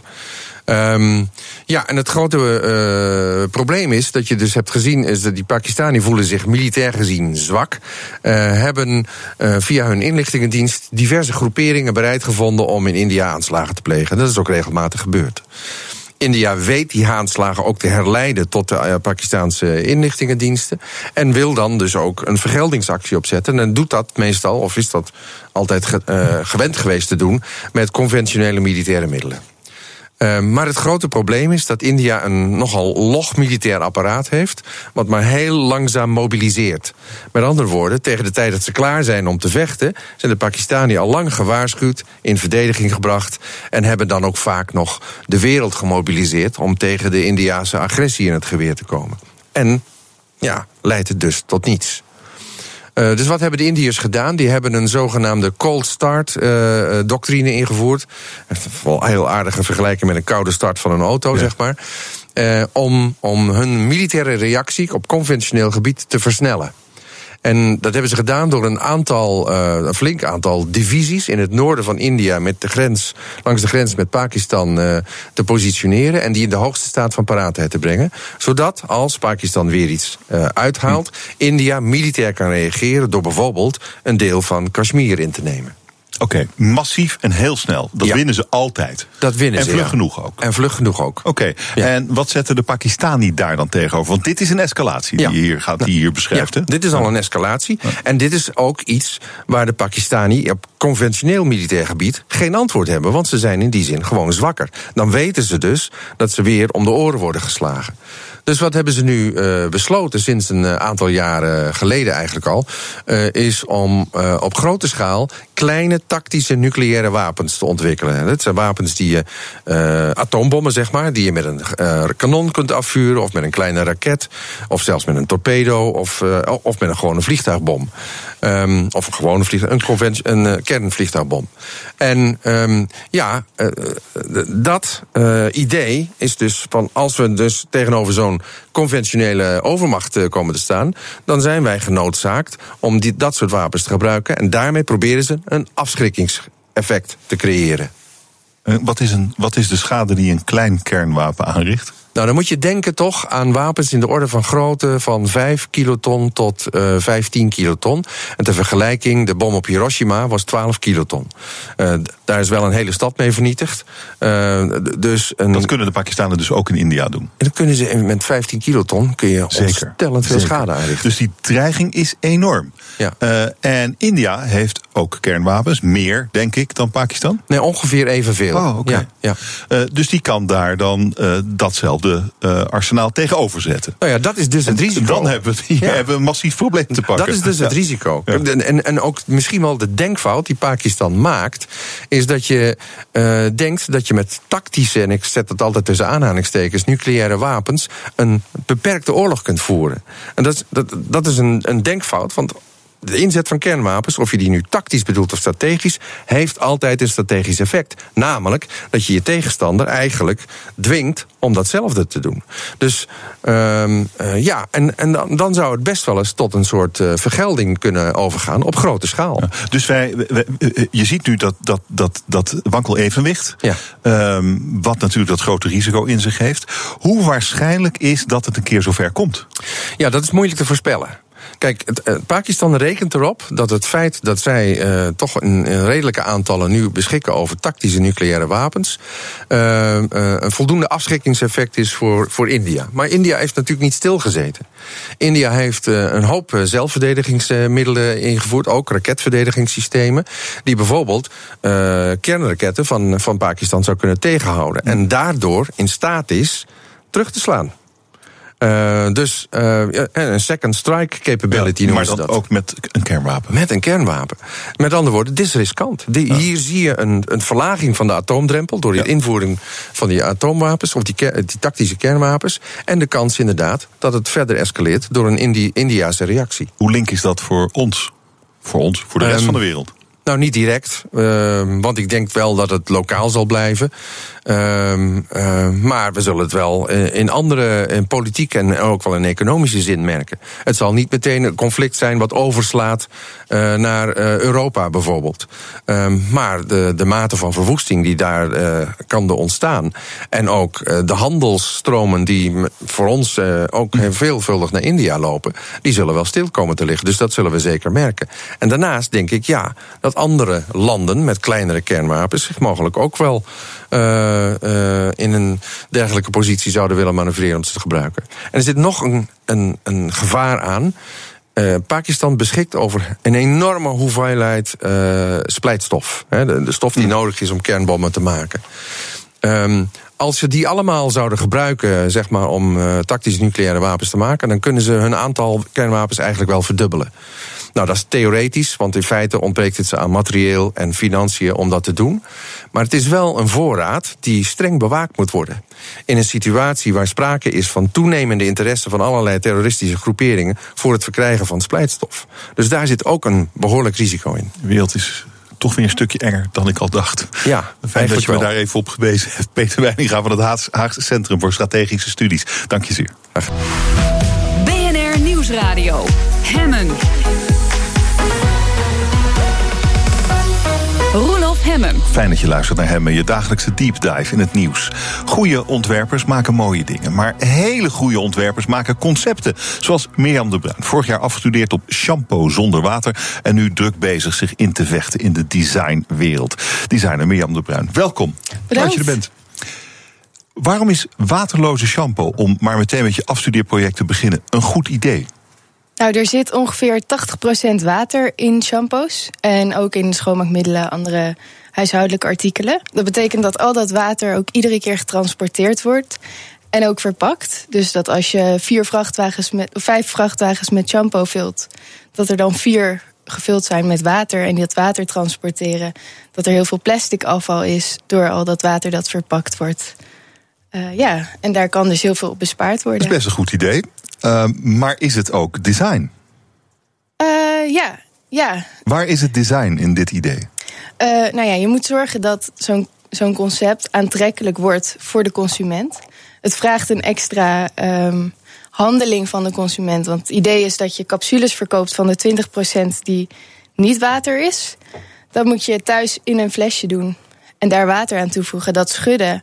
Maar dat, dat zijn allemaal extra handelingen. Ja. Uh, en ik denk dat je dat met design uh, aantrekkelijk kan maken ja, voor de consument. Dat, hoe heb jij dat opgelost? Um, nou ja, allereerst uh, op het moment dat je maar één keer een fles koopt, kan die fles er veel beter, een betere kwaliteit zijn. Die kan veel beter aangepast zijn aan je badkamer. In plaats van dat die op het schap iedere keer zichzelf moet verkopen door heel veel branding. Daarom zijn de meeste uh, shampooflessen zijn felgroen, felpaars. Allemaal Ah. die lelijke, schreeuwerige flessen. En dat jou- hoeft dan niet. Hoe ziet jouw fles eruit? Eh, die is doorzichtig. Ehm, eh, heeft hele minimale branding die er eigenlijk eh, opge, opgeplakt zit. Dus die, die heeft niet een kleur of een. eh, het, is, het is een merk dat er ja, in de fles verwerkt zit. In plaats van dat het een, een sticker is die erop zit. Juist ook omdat die langer meegaat. Zo'n sticker die gaat er weer af. Dus je moet ergens toch nog je brand in verwerken. Hoe kwam je erop? Ehm, het is tijdens de het derde of tweede jaar van de Design Academy hebben we de opdracht gekregen van de Dutch Packaging Association met de vraag: wat is de toekomst van verpakkingen? Toen ben ik een beetje gaan kijken in de supermarkt van wat is er allemaal. Toen was Car van Sevitam had net die eh, grote limonadeflessen. Die waren opeens een stuk kleiner voor meeneemverpakkingen geworden. Eh, en toen ben ik me af gaan vragen van hoe kan dat nou? Toen bleek dat heel veel water uit was gehaald en dat suiker vervangen was door een kunstmatige suiker. Hm? Eh. gewoon siroop eigenlijk. Ja, de siroop. Ja, Dat, dat principe kennen we echt al heel lang natuurlijk. ja maar die, die was dus van een 1 liter fles of anderhalve Aha. liter ook weer naar een Ja. 100 milliliter gegaan. Wat toch best mm, voor dezelfde hoeveelheid limonadeflesjes. Dus wat best apart is. Want daar sta je niet bij stil dat dat überhaupt kan. Toen ben ik gaan kijken van wat, wat in de supermarkt heeft nog meer zoveel water. Nou ja, wasmiddelen. En toen bleek eigenlijk het hele huishoudelijke schap. Alles eigenlijk. Eigenlijk Bijna alles. alles. Ja. Dus, eh, en, nou, en toen ben je daarmee aan, aan, aan de slag gegaan. En Ja. dat heeft geleid tot nou ja, jouw oplossing. Jouw oplossing is, een, is die fles die je beschreef. eh, en, en eigenlijk een bal, een bal shampoo ach, in vaste vorm in elk geval. Wat je, dan, wat je erin gooit en dan heb je weer shampoo. Ehm, waar, waar kan ik dat kopen nu? Nu nog niet. Wanneer wel? Eh, ja, ik hoop eh, rond over een jaar ongeveer. Maar dit gaat echt gewoon gebeuren. Nou, we zijn nu, eh, ik ben een samenwerking aangegaan met Ilse Kwijtaal. En ook met de Universiteit van Wageningen. En die gaat dat helemaal onderzoeken. Het probleem was namelijk tijdens mijn afstuderen dat ik geen hulp kreeg vanuit de, de huishoudelijke Industrie. wereld, Ja. industrie. Ehm, om, om, nou ja, omdat zo'n onderzoek dus blijkbaar een jaar duurt met alle testen die, eraan, die erbij komen, alle wetgeving. Wat is, wat is dan, nou, wetgeving, te- test, wat, wat, is er, wat wordt het voor shampoo? Als je, dat is natuurlijk de grote vraag. Als je, je wilt natuurlijk wel shampoo uit een glazen fles, een balletje, allemaal prima. Maar het moet uiteindelijk precies doen wat die Ja, andere shampoo ja, ook doet. ja, en dat is- en, en daar gaat het om. Dat is, Ah, dat is oké. dus het ingewikkelde, dat je dezelfde viscositeit, ze moeten hetzelfde aanvoelen. Want je hebt ook al shampoo eh, blokken, zeep gewoon voor, in de vorm van shampoo. Eh, maar wat ik merkte is dat veel mensen die niet fijn vinden, omdat die niet hetzelfde voelt als een eh, vloeibare shampoo. Dus uiteindelijk gaan mensen weer terug naar zo'n vloeibare shampoo. Eh, maar ja, dus als je zo'n vloeibare shampoo maakt van een capsule, dan is het belangrijk dat die goed mixt. Dat je niet iedere keer weer opnieuw hoeft te schudden. Het is belangrijk dat hij hetzelfde voelt, dat hij dezelfde ja, kwaliteit heeft qua schoonmaken, schuim. Dat zijn allemaal dingen Ja. die erbij komen kijken die het best wel lastig maken. Over een jaar. Welke, welke keten? Eh, we, gaan- we zijn echt bezig met een eigen. Zelf doen. Ja, zelf Oh, doen. gaaf. en dan kijken waar, waar, waar dat heen ja, gaat. ja, jij houdt wel van, eh, van praktisch. Hè? Ehm, eh, ik heb gezien wat je gemaakt hebt. Ja. Ehm, je hebt bijvoorbeeld een, heel, een hele re- productreeks gemaakt voor het verbeteren van de werkhouding. ja, En, en het begint eigenlijk gewoon met ja, zo'n iets om je muis goed vast te houden. Maar het is gewoon een, eigenlijk gewoon een stokje. ja. Ja, En een ding op je voeten op te zetten. Dat is eigenlijk gewoon een gebogen stukje hout. ja. Hele praktische dingen. eh, waar op zichzelf wel een zekere eenvoud en daardoor misschien ook schoonheid in zit. Dat is wat je wil doen. Ja. Praktisch en mooi. Ja, ja klopt. Ik, eh, ja, het valt me op dat er vaak heel veel oplossingen zijn die slecht zijn vormgegeven, waardoor ze niet gebruikt worden. En ehm, slechte oplossingen die goed zijn vormgegeven. Aha. Geef daar eens een voorbeeld van. Eh, even denken. Nou ja, die, die, die tools waar, waar, ik dus die, die, waar je het nu net over hebt. ehm, voorheen waren dat gewoon sportschooltools. Tools. En het probleem is dat werknemers die dus RSI-klachten hebben, die krijgen die tools van de fysiotherapeut. Ja, gewoon gewichtjes eigenlijk. Gewoon gewichtjes. Maar ja, Voor niet mooi. nou ja, die, wordt, die neemt niemand mee naar zijn kantoor. Dat Ah, ja. is wel een leuk idee dat je dat meegeeft van ja, ga maar gebruiken op je kantoor om af en toe eventjes je, je pols mee te strekken en te, aan te sterken. Maar niemand, eh, niemand doet dat. Omdat er heel veel grapjes over gemaakt worden in de trant van... oh, zit je in de sportschool? Uh, ja, en jouw dingen vallen niet op. Het zijn, het zijn mooie, meer objecten. slanke, onopvallende ja, dingen. Het zijn meer objecten ja. die je gewoon op je bureau kan hebben zonder dat iemand denkt: wow, die is echt. Uh, die heeft echt een probleem. Workout. En, en kan, kan je die ook al ergens kopen? Nee, nee ik, ben, ik ben nu echt. Mijn focus ligt op dit moment echt bij 20. En dat ja, is wel ja, ja. genoeg. Ook zeker omdat ik daarnaast dan gewoon freelance werk doe. Ik vond een ander, ander ding ook, vond ik ook interessant. Uh, hoe, hoe noem je ook weer? Hold on, geloof ik. Hold on. Dat is een, een soort. Uh, ja, waar in, in badkamers van Ja. oude mensen. waar ze kunnen vasthouden zodat ze niet omvallen in de badkamer. Dat zijn natuurlijk vaak van die glimmende, nou, spuuglelijke beugels overal. Ja. Daar heb jij iets heel anders voor gemaakt. Ja, ik, Kun je beschrijven hoe dat eruit ziet? Het is een soort buizensysteem waar ook kapstok eh, voor je handdoeken en meer accessoires, plankjes zitten erop. eh, geïntegreerd eh, met een buizensysteem waar dus oudere mensen zich aan vast kunnen houden. Juist omdat ik merkte dat nou ja, de huidige oudere generatie, die is eigenlijk die is wel hip. En, maar die hebben toch wel klachten, maar die willen dan ook Soms niet. vallen ze om, dus ze moeten zich kunnen Precies, maar ze willen ook niet zo'n beugel, zo'n hele lelijke witte plastic beugel. Dus ik dacht, daar moet iets, daar moet iets tussen komen wat niet opvallend is als dusdanig. Ja. En ook dat is niet te koop dus. Nee, dat zijn allemaal sti- Jij, jij bent je nu, jij bent net afgestudeerd Ja, natuurlijk. ja. En, uh, en je, je bent je denk ik aan het invechten in die designwereld Ja. op een of andere manier. Dat doe je nu met, met je, met je shampoo-merk. Uh, maar wat vraagt het nog meer van je? Want als je alleen die shampoo hebt, ja, dan ben je shampoo. Verkoper. verkoper geworden. En je wil natuurlijk designer zijn. Ja. Wat, hoe, wat zijn je volgende stappen? Of je simultane stappen misschien wel? Ja, simultane stappen. Aan de ene kant, wat ik interessant vind van dat shampoo-project, is dat ik heel veel leer op, op het gebied van hoe zet je een product in de markt. Wat zijn de eisen waar het dan aan moet, vervolgens aan moet voldoen? Want het blijkt dus dat sommige dingen gaan er straks totaal anders uitzien waarschijnlijk. Wat, wat sommige dingen? Wat, wat voor sommige dingen bedoel je? Nou, het kan bijvoorbeeld zijn dat die fles, um, die fles moet heel hygiënisch zijn hm. door bepaalde eisen die er aan een herbruikbare fles worden gesteld. Dat betekent dat materiaal misschien. Ja, dat het materiaal anders is. Of dat de vorm net anders is, zodat die makkelijker schoon kan, gemaakt kan worden. Dat die in de afwasmachine kan. Um, nou ja, de, op het gebied van vormgeving veranderen er in de fase naar productie. veranderen er, er ook weer dingen aan je prototypes. Uh, dus dat vind ik heel interessant. Tegelijkertijd moet ik mezelf ook blijven ontwer- uh, ontwikkelen op het ontwerpgebied. Hoe doe je dat? Uh, ik werk nu als freelancer onder andere bij Roll Color. Dat is een designstudio in Eindhoven. Die doen heel veel grafisch, uh, maar ook productdesign en um, uh, wat styling en fotografie. Ehm, daarnaast heb ik een eigen atelier waar ik dingen kan maken. Ik ben nu net naar Milaan geweest met een Nederlands designcollectief. Mm -hmm. wat veel meer gericht is op vormgeving dan op echt praktisch eind, eindproducten maken. Uh, dus ja, zo, zo verschillende dingen. Wat is, wat is uiteindelijk je, je grote doel als ontwerper?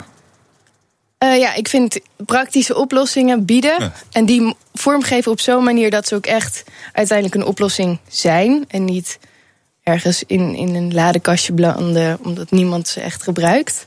Dat vind ik het, het leukste en de uitdaging. Ja, ze is net terug van 's werelds grootste designbeurs, die in Milaan. En daar heeft ze zichzelf voor het eerst mogen presenteren. Vertelt ze zo over. BNR Nieuwsradio. Hemmen. Mijn gast is designer Mirjam de Bruin. Ze is net terug van de Milaan Design Week. Uh, voor, vorige week was dat. Hè? Wat heb je laten zien daar? Je was er voor het eerst. Ja, ja was voor het eerst. Uh, ik heb, ben samen met het uh, designcollectief Dutch in Virtuals... hebben we een uh, presentatie gehouden over de toekomst van materialen. En uh, ja, hoe, hoe, gaan we materialen in de toekomst gebruiken? En daar heeft iedere ontwerper zijn eigen kijk op gegeven. Wat had jij gemaakt? Uh, mijn project ging over de hoeveelheid lucht in materialen. Ik denk dat we in de toekomst meer lucht aan onze materialen toe gaan voegen. Omdat we gewoon minder materialen hebben en daar zuiniger mee om moeten gaan. Even een voorbeeld, even praktisch. Uh, ja, als je lucht toevoegt aan een materiaal, heb je minder materiaal nodig. Ja, uh, ja oké. Okay. Dus. Ja, je moet me hier even helpen. Waar, waar, zou je lucht aan willen toevoegen? En wat voor materiaal? Ja, dus, dus ik heb als, als, als eh, toepassing heb ik eh, keramiek gekozen. Om te laten zien dat daar eh, eh, hele verschillende, door verschillende hoeveelheden lucht toe te voegen, krijg je ook hele andere functies van dat keramiek. Wat dan? Eén object ging meer over het afkoelen van keramiek. Waardoor je dus eigenlijk een soort analoge koelkast hebt. In Afrika wordt dat wel veel gebruikt, maar Ja, snap ik wel. Want lucht isoleert natuurlijk heel goed. ja, en dan neemt water op Oh. en dat water eh, koelt het keramiek af. Ja, en de andere was een wol van keramiek. Dus dan- dat wordt gemaakt door ehm, klei in een soort van grote suikerspinmachine te schieten. En dan krijg je hele dunne draden van keramiek. En ze is isolerend. En, Een soort glaswol. ja, ja. Maar dan keramisch en dus heel hittebestendig. Ah. En, eh, eh, en de derde wa- was een, een filter voor lucht. Die filtert ehm, eh, vervuiling uit de lucht... doordat er wat grotere gaten in zitten waar die vervuiling in gaat zitten. En die kan daar niet meer uit. Waarom heb je daar je shampoo niet gepresenteerd eigenlijk? Ja, Milaan is toch een heel ander soort beurs. Eh, veel meer over, het gaat veel meer over eind. Heel veel meubels, sowieso. Weinig, heel weinig concept. Ik vind Eindhoven past meer in dat conceptuele, onderzoekende. Dat past meer in Eindhoven. En Milaan, dat zijn wel echt de grote merken. Affenproducten, shiny. Ja, dus eh, Eh, zag je daar jouw eigen toekomst? Ik Denk het niet eigenlijk. in Milaan. Ja. Nee, nee, Nee. nee, nee. Maar wel heel leuk om mee te doen. En leuk om een heel ander soort product te presenteren. Want dat is veel meer conceptueel. Eh, maar ik denk dat Eindhoven toch beter bij een product als, als die shampoos past. Ja, dus, dus eigenlijk, dat is eigenlijk de oude, eh, de- het oude ontwerpen wat je daar zag. Eh, gewoon mooie stoelen maken. Ja, ja, ik denk dat er wel een soort shift gaande is Ah, ah. van, van ontwerpers die meer willen dan alleen een stoel of een nieuwe kast Ja. ontwerpen. En dat er veel meer gaat ook over de manier van denken van een designer. Zit, zit dat in eh, leeftijd? Is, is dit een generatieding? Ja, ja.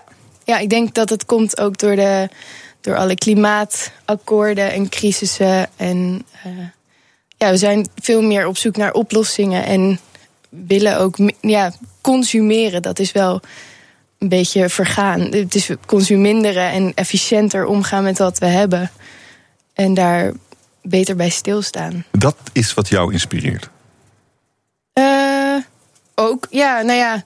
Ik, wil, ik, ik hoef geen, geen stoel te maken, nee. Er zijn nog dat- stoelen, genoeg. De- ja. Ja, nou ja, iedereen zijn zijn ding. Maar nee, ik vind dat onderzoekende en kijken naar hoe, wat voor oplossingen kunnen we, kunnen we vinden, dat vind ik heel leuk. Ja. Ja, en dan met, met, het, met de nadruk op eh, eh, energiegebruik, grondstoffengebruik, eh, circulariteit, dat soort dingen. Dat is wat jou, wat jou, Ja, wat sociale jou boeit. thema's in het En- algemeen. Ja. Oké. Ehm, en daar zag je er op die beurs niet veel van. Hadden ze wel belangstelling voor wat jij er aan het doen was? Die, die, zeg maar, onze, doordat wij als collectief één expositie hadden, zeker wel. En er is, was wel ook een thema van recyclen. Dus je zag wel veel eh, materialen die gerecycled waren. Daar, op, dat gebied zag je wel veel. Eh, maar echt gezondheidszorg, dat soort dingen, dat soort thema's, het wordt niet heel erg aangesneden, nee. Nee, was je op de verkeerde beurs? Of zijn, zijn er überhaupt beurzen die, waar jij het leuk zou vinden?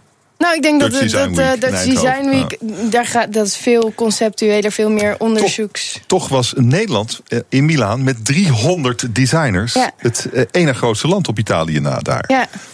Wat zegt dat over onze positie als designers Nederland? Ja, we hebben wel een, een sterke, sterke designcultuur. En ik denk dat we wel ook vooruitstrevend zijn. In welke zin? Nou ja, dus dat we. Dat we In wat eh, jij doet? Nee, nou ja, in het algemeen, In het algemeen. Een, een soort tendens die ik wel. Ja, dat, zie. dat, dat zijn we eigenlijk al best wel lang al. Je had, het begon ooit toch met Dutch Design, is echt een begrip. Ja, ja. En dat is, geloof ik, wanneer was dat? Jaren 90 of nog eerder? Eh, nog eerder, volgens mij, ja, jaren 80, jaren 90 ongeveer. Ja, dat, is, Maar ja. dat is echt heel erg lang geleden. Ja. Toen was jij er nog niet eens. Eh, Is nee. dat, is dat eh, op, op een bepaalde manier is dat een soort inspiratie voor je? Of sta je op de schouders van, je, van, van de vorige generaties? Hoe relateer je met, eh, met Dutch design, met toen? Ik denk dat het Dutch design eigenlijk op een gegeven moment een manier van denken is geworden. Dus droog design en alle Studio, design ja. dat, dat toen, toen is opgekomen, dat is wel heel.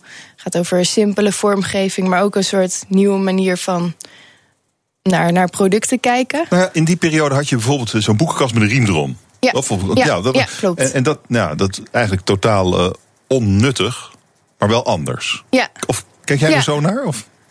eh, ja, nou ja, het was heel vernieuwend. In zijn om- tijd was het in die vernieuwend. tijd, ja. Maar het was wel een soort gimmick. En ik heb het gevoel dat jij. Ja, het is wel, ja. Ja, het is een soort, een, een soort opnieuw naar producten kijken en denken van ja, Kan ook anders. Kan ook anders. En ik denk dat dat nog steeds in Dutch design zit, maar dat dat nu zich meer vertaalt naar concepten en onderzoek. En dus dat er wel een shift is, eh, en dat die functioneler wordt misschien.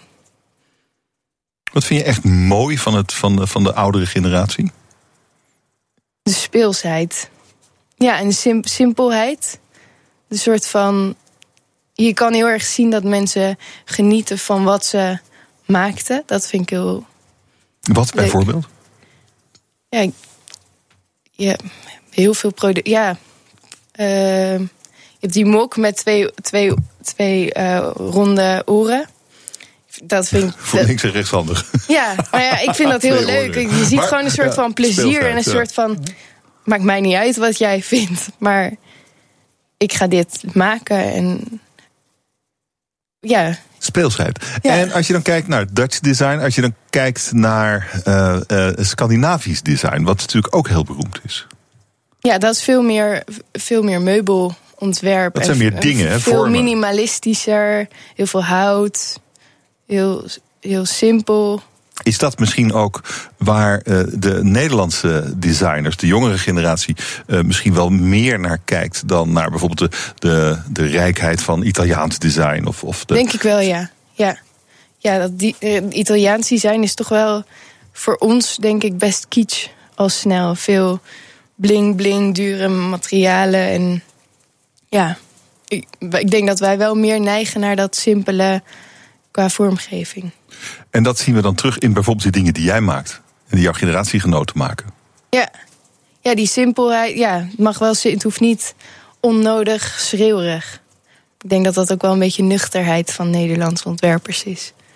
Ik ben toch benieuwd, waar, waar, ga, je, waar ga je nou straks naartoe? Weet je, Dat, eh, je, loopt, je loopt nog steeds een enorme kans om, eh, om shampoo-boer te worden. Nou, als je niet dat is niet mijn bedoeling. Maar weet je, eh, over, een, over, over een paar jaar, je moet natuurlijk je eigen Ja. studio hebben. Ja, nou ja, Wil- moet niet. Nou, weet ik niet. Niet. Zou je dat willen? Nou ja, om je Zou naam, ik wel willen. om een naam voor jezelf te maken. Ja, maar. Ja, Grote maar, designers die maar heten- ik, ik, ik hoef niet per se een sterontwerper te worden. Waarom niet? Ja, omdat ik dat. Ik, ga, ik ben liever bezig, constructief bezig, dan dat ik de hele tijd bezig ben met mijn naam groot maken. Ik wil liever voor iemand werken en dan iets nuttigs doen dan mijn eigen studio en heel bekend. En Hm. Piet Boon was hier aan het begin van de week. Ja. Die was ook in Milaan geweest. Ja. En Piet Boon is wel een van de allerberoemdste Nederlandse ja, interieurontwerpers. En Ja. hij, eh, hij zit meer in eh, eh, grote dingen, maar ook in concepten wel. Alleen die zijn dan meteen een huis of een hotel of een restaurant of zo. Maar hij is, hij is wel echt heel groot. En je kent zijn werk natuurlijk. En eh, zie je daar dan toch eh, het, het werk van de generatie van, nou ja, dat is echt eh, ver voor mijn tijd. Is, is er iets wat je daar gaaf van vindt, wat je daarin inspireert? Of is dit echt gewoon geweest? Oh nee, ik denk niet dat het geweest is. Ik denk zeker dat er nog altijd dat soort ontwerpers nodig zijn. Maar het is gewoon heel anders dan wat Maar ik, Piet Boon vertelde ook ik dat hij- leuk zou vinden. Ja, maar Piet Boon wordt dus ook echt heel erg gelukkig van mensen zoals jij. Die verzamelt hij in zijn bedrijf. Daar heeft hij er wel 55 van. Ja. Dat zijn jonge ontwerpers die allemaal hele mooie dingen voor hem maken. Maar daar zet hij dan wel zijn naam op. Ja, Nou ja, vandaar, dat is het belang van je naam overal opzetten.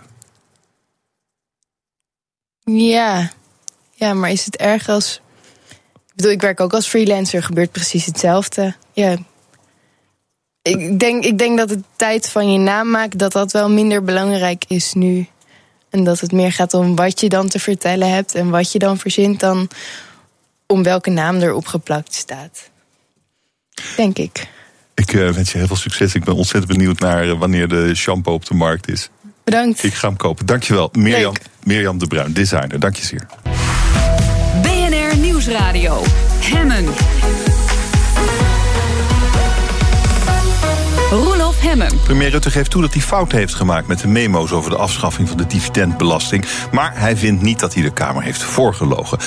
Daarmee houdt hij het vertrouwen van een Kamermeerderheid, maar bijna de hele oppositie steunde een motie van afkeuring. Bespreek het in De kantine. met vandaag George van Hout. Hij is eh, acteur en schrijver van De Verleiders. En Bert Huisjes is hier, hoofdredacteur van WNL. Heren, goedemiddag. Fijn dat jullie er. Goedemiddag. Hey, goedemiddag. Heeft Rutte zijn bijnaam de Teflon-premier weer waargemaakt? Denk het wel, George. Ja, dat is een, een, een, enorm gevalletje van eh, eh, door, door gladde. De, de aal in de emmer snot eh, was een oude uitdrukking uit de 70 jaren. En die is eh, geheel op de paling Mark Rutte van toepassing. Ja. Wat zag jij in dat debat? Wat viel je op? Nou, dat, dat gedraai en dat gekruip. En vooral Sibrand Haarsma Buma, daar, dat, daar zit zo'n goede Lucky TV in. Als je al zijn gestotter en zijn gestamel achter elkaar knipt. Nou ja, in, Bert Wagendorp vanmorgen in de Volkskrant die zei al: er zit een, heel- er zit een waanzinnige theatervoorstelling in eh, dat debat van gisteren. Oh, dus die ga jij ook maken, denk je? Nee hoor, nee, nee, nee. Want eh, dan, dan zijn al meer mensen op dat idee gekomen. Maar eh, het, het, het gestotter en het gestamel en het gedraai. Van heb je nou met je vingers in de suikerpot gezeten? Nee, het wa- ik, ik heb met mijn tenen in de suikerpot gezeten. Ja, ja, Nou ja. maar daar zit dat toch wel een zekere vakkundigheid in.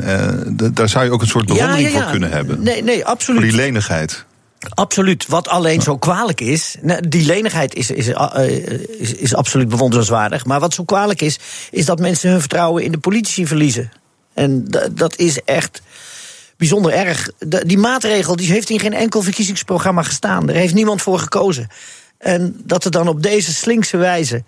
Met, met eerst geen memo's en later wel, eh, wel memo's, maar waar niemand meer herinnering aan heeft, dat dat dan zo ingevoerd is. Dat blijkt dat we in een corpocratie leven en niet in een democratie. Wat zag jij, Bert? Ik eh, vond dat het eh, uiteindelijk weer eh, heel vakkundig heeft opgelost. Ehm, ik vind het niet een emmer in een, of een paling in een emmer met snot. Zal ik je eerlijk zeggen. Ehm, ik vind dat eigenlijk waar ging dit om? Of er een memo was of niet. Het is helemaal verengd tot of hij een papiertje had gezien. Maar uiteindelijk is er gewoon een besluit genomen tijdens die formatie door alle partijen die aan tafel zaten. Dat wij in Nederland graag een gunstig vestigingsklimaat willen hebben voor grote bedrijven zoals Unilever Shell. Maar als je En- ambtenaren op financiën nou zeggen, het heeft helemaal of geen meetbaar effect op je vestigingsklimaat. Nou ja, dat zal er één zeggen en de ander zegt weer dat. Eh, maar uiteindelijk, eh, ja, ik denk dat ik over voldoende gezond verstand beschik. Dat ik denk van ja, als je grote bedrijven in Nederland wil houden, dat dat gewoon ontzettend veel werkgelegenheid oplevert in met name rond die bedrijven heen. Dus daar zitten opleidingen aan vast, daar zitten broodjeszaken aan vast, eh, bloemisten die hun eh, spullen leveren, leasebedrijven. dus zo'n groot bedrijf levert gewoon heel veel banen op in Nederland. Ja, maar het is En wij moeten gezegd, gewoon- ook niet, ook niet door Paul Polman eh, van maar- Unilever... Dat, eh, dat, dat ze weg zouden gaan als eh, die dat- dividendbelasting niet zou Nee, worden maar, afgeschaft. Nee, maar uiteindelijk dat vestigingsklimaat is, is van een groot belang. Ik bedoel, kijk, ik weet niet of je wel eens langs de oude Gelderse IJssel rijdt. Dan heb je allemaal van die oude Hansenstadjes. En daar is de economie op een gegeven moment stil komen te vallen. En dan zie je gewoon een, een beetje historische, eh feerieke stadjes. ja, maar dat is een Ja, beetje en- en- angstaanjagerij. Nee, maar dat is wat wij Nee. moeten voorkomen. Bedoel, Nederland staat nummer vijf op de meest innovatieve, welvarende... Zeker. economisch meest voor... En, en dan wil je blijven. En misschien wil je ook graag naar nummer 4. Ja, zo kijk ik er tegenaan. Dus eh, ik bedoel, of het nou gaat om een memo. Ik vind het echt weer een roedel journalisten die uiteindelijk achter eh, een, een thema van de oppositie aanloopt. Die zegt van, ja, heb je nou wel een memo gezien? Heb je nog niet een memo gezien? Hij zegt, ik herinner me dat niet, eh, niet zo. Nou, je moet je zo'n formatie voorstellen. Je- daar wordt ge- geformeerd aan verschillende tafels. En op al die tafels liggen memo's. Er liggen zelfs memo's van Kleine Omroep WNL. Er liggen memo's van BNR. Er liggen memo's van, eh, over, over elk besluit... waarvan iemand maar hoopt dat dat in zo'n akkoord wordt Over dit geregeld. memo is bilateraal al onderhandeld met de hoofdonderhandelaars. En eh, ik herinner me Is dat ook je veronderstelling of is dat wat je, Dat, wat je weet? dat hebben ze gisteren toegegeven. Mark Rutte heeft met dat belangrijke memo in zijn hand... eh, met alle Nou, maar hoofdonderhandelaars... dat was een VVD-memo. Dat was gewoon een memo vanuit zijn eigen partij. Dat was gewoon een van zijn secondanten die hem dat aanreikte. Van Ja. dit is onze positionering, kunnen wij de rest erop meekrijgen. En uiteindelijk heeft, is Buma meegegaan, Pechtold is meegegaan en Segers is meegegaan. Maar als het hun dus dat is een positionering meerderheid van de was, waarom stond het dan niet in hun verkiezingsprogramma? Maar dat wil toch niet zeggen dat alles in je verkiezingsprogramma moet staan... als je het goed, eh, voor, eh, goed Nou, voor hebt met 1,4 miljard veiligheid vind en, ik belangrijk en genoeg. welvaart in Nederland. 1,4 miljard vind ik belangrijk genoeg. Ja, maar 1,4 miljard, dat wordt ook weer zo uitvergroot. Alsof dat een gigantisch groot bedrag is. Dat is ook een groot bedrag. Maar aan de andere kant, als je kijkt wat de upside ervan is... dat wij uh, meegaan in de vaart der volkeren... dat wij uh, zorgen dat uh, grote bedrijven zich bij ons thuis voelen... dat is ook wat waard. We hebben het, we, maar met de instandhouding van de dividendbelasting... Was, waren we ook waren we op dezelfde positie gebleven. Maar ja, ik, ik wil toch even terug, want dat is eigenlijk wel... Nou, dat gaat wel, dat gaat wel gebeuren. zijn jullie niet, niet ook een beetje verrast dat dat ze Wiebes niet onder de bus gegooid hebben. Minister uh, Erik Wiebes, die een memo notabene zelf ja, die geschreven zelf had. geschreven en, en daar geen herinnering, aan, herinnering aan had. Ja, maar dat is een VVD-memo. Dat is, gewoon, dat is gewoon een interne notitie. Nee, maar dat is een definitiekwestie. Dat is heel erg flauw om het Zeker. daarop te gooien. Zeker, dus... maar uiteindelijk hebben we het over memo's. En de man op staat denkt van memo dit, memo dat wat kan hun dat nou schelen? Weet je wel, het is doorgevoerd. Maar het is wel gewoon door een kabinet doorgevoerd. Wat gewoon het grote midden van ons Nederland vertegenwoordigt. En dat hebben één zetel en dat, en dat meerderheid. Dus, uh, zeker, maar het zit er wel echt in het midden. Het is een liberaal-conservatieve kabinet wat het goed voor heeft met het land. Waar echt uh, grote kopstukken bij waren. Die geassisteerd werden door goede secondanten. Dus het is een afgewogen beslissing geweest. Vanmorgen in het nieuws uh, weer een belangrijke politiemedewerker geschorst wegens niet integer gedrag. Het gaat om Letitia R. Ze is meteen een afkorting geworden. zij wordt verdacht van verduistering, witwassen en valsheid in geschriften. Hier is er weer een. Ja, dat is, dat is natuurlijk een, een, heel erg akelig bericht. Zoveelste in een, in een rij. Ja, er is een hele, een hele top in de politie, lijkt zelf uh, plat te zijn, om het in uh, het bargoens te zeggen. Platte agententop.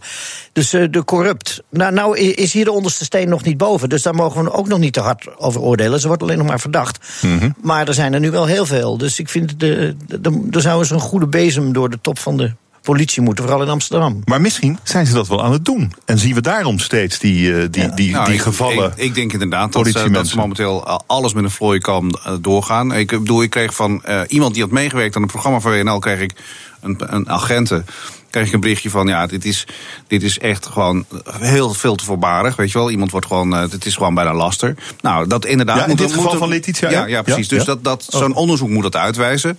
Maar op het moment dat er uh, met een stofkam door organisatie wordt gegaan, dan wil ook nog zeggen dat niet alles zo is zoals het lijkt. Dus ik, ik, ik durf niet op voorhand te zeggen dat deze mevrouw ook fout is... of dat het weer helemaal een foute band is. Het hangt natuurlijk wel nee, aan tegen het het kwaad zal geschieten als je al met een balkje over je ogen, met een grote foto uh, voor op alle sites staat. Mm. Dan, ja, nou ja, maar dat, kijk, dat is uiteindelijk goed werk geweest van de Telegraaf. Dat je een naam erbij weet te vinden. En dat je weet dat een eh, vakbondsbestuurder is. Dan, dat maakt het natuurlijk wel gelader. Maar we hebben natuurlijk, dit komt natuurlijk voort omdat er bij die centrale onderneming staat. dat daar zoveel mis was bij ja. die, van die nationale politie. En dus dan heb je altijd van. dan past dat, dat, dat puzzelstukje past dan weer in een groter plaatje van. moet je kijken, grote corruptie. Dan heb je weer een puzzelstukje erbij. Weer, uiteindelijk lijkt het net of die hele organisatie dan is. Nou, dat, dat is natuurlijk, niet, dat, is, dat, dat, dat is denk ik ook niet zo. Nee, dat denk ik is echt niet zo. Maar dat ze heel goed kijken naar uh, uh, handelswijzes, uh, regels, hoe gedraag je je, nou, dat vind ik alleen maar goed. We hebben ook nog een ander dingetje. Antivaxers heet het, geloof ik. Um, en daar, daar is de Europese Commissie nou wel een beetje klaar mee. er worden steeds minder uh, vaccinaties gegeven. Wat slecht is. Uh, want dan komen ziektes die weg waren, bijvoorbeeld de mazelen, die komen dan gewoon weer terug. En dat is best vervelend. Er zijn blijkbaar mensen die niet gevaccineerd willen worden. En dat worden er blijkbaar soort steeds meer. Hoe komt dat? Ja, vroeger waren dat mensen die alleen op godsdienstige overwegingen. Die zeggen je mag niet in de godschepping gaan rommelen door, door wij laten onze kinderen niet vaccineren. En nu zijn er helaas heel veel mensen, ook op, op, op, op discutabele uh, platformen, die uh, elkaar opstoken van laat je kind niet vaccineren, want die brengen vaccinatie in verband met het toenemende van allerlei uh, ADHD, ADHD autisme, en autisme. Asperger. En dat is medisch gezien niet, niet, helemaal niet bewezen. Maar ja, ja en toch ja, weet ik niet of je. Die, je moet die mensen wel serieus nemen in hun angst. van waar laat ik mijn kind mee uh, vaccineren. Maar de voorlichting van de andere kant moet veel en veel beter. Dat ben ik met je eens. zij, brengen wel, zij brengen hier wel de volksgezondheid in gevaar, die mensen Zeker, die dat maar niet doen. Het is een heidens dilemma of je als overheid iemand mag verplichten. iets ja. te laten verrichten aan het lichaam. En de, de, de SGP is natuurlijk het grootste voorbeeld van mensen die zeggen: van, nou ja, eh, binnen onze stroming vaccineert een deel niet. Sommigen wel. Maar dat is een keus die aan die mensen is in relatie tot hun, uh, hun schepper en uh, tot hun eigen lichaam. En hoe de overheid zich daartoe verhoudt. Ja. Het wordt heel moeilijk als de Europese Commissie uh, verplicht gaat stellen dat iedereen gevaccineerd moet worden. ik bedoel, ik zou ook blijven uitleggen. Ik bedoel, op een gegeven moment je kan je kind niet meer naar een crash sturen of naar een kinderopvang sturen. als je weet dat een aantal van die kinderen niet gevaccineerd zijn. Want ze lopen gewoon echt groot gevaar. Dus uh, je zou het toch moeten doen met uh, voorlichting. En misschien hmm. moet je wel doen met een beetje stimulering. Dat je, dat je mensen een beetje helpt. Of dat, dat, dat, ze, dat ze er een mooie waardebom bij krijgen als ze laten doen. Ja, uh, voor, voor, een paar zegels geeft men ook zijn privacy op. Dus waarom nee, Maar het moet echt voorlichting zijn. Het is niet genoeg dat de witte jas zegt... kijk maar, ik heb een witte jas aan, dus doe het nou maar... want ik heb ervoor gestudeerd. Er moet veel meer voorlichting komen over waarom het dan goed is... en hoe het dan werkt. Ja, ben wel benieuwd naar de groepen trouwens. Is, Speelt het ook in, in, in het islamitische uh, geloofsbeleving. Uh, want dan, dan zou je natuurlijk. Dat, ik bedoel, dat is dan ook een vrij orthodox geloofbeleving, dacht ik.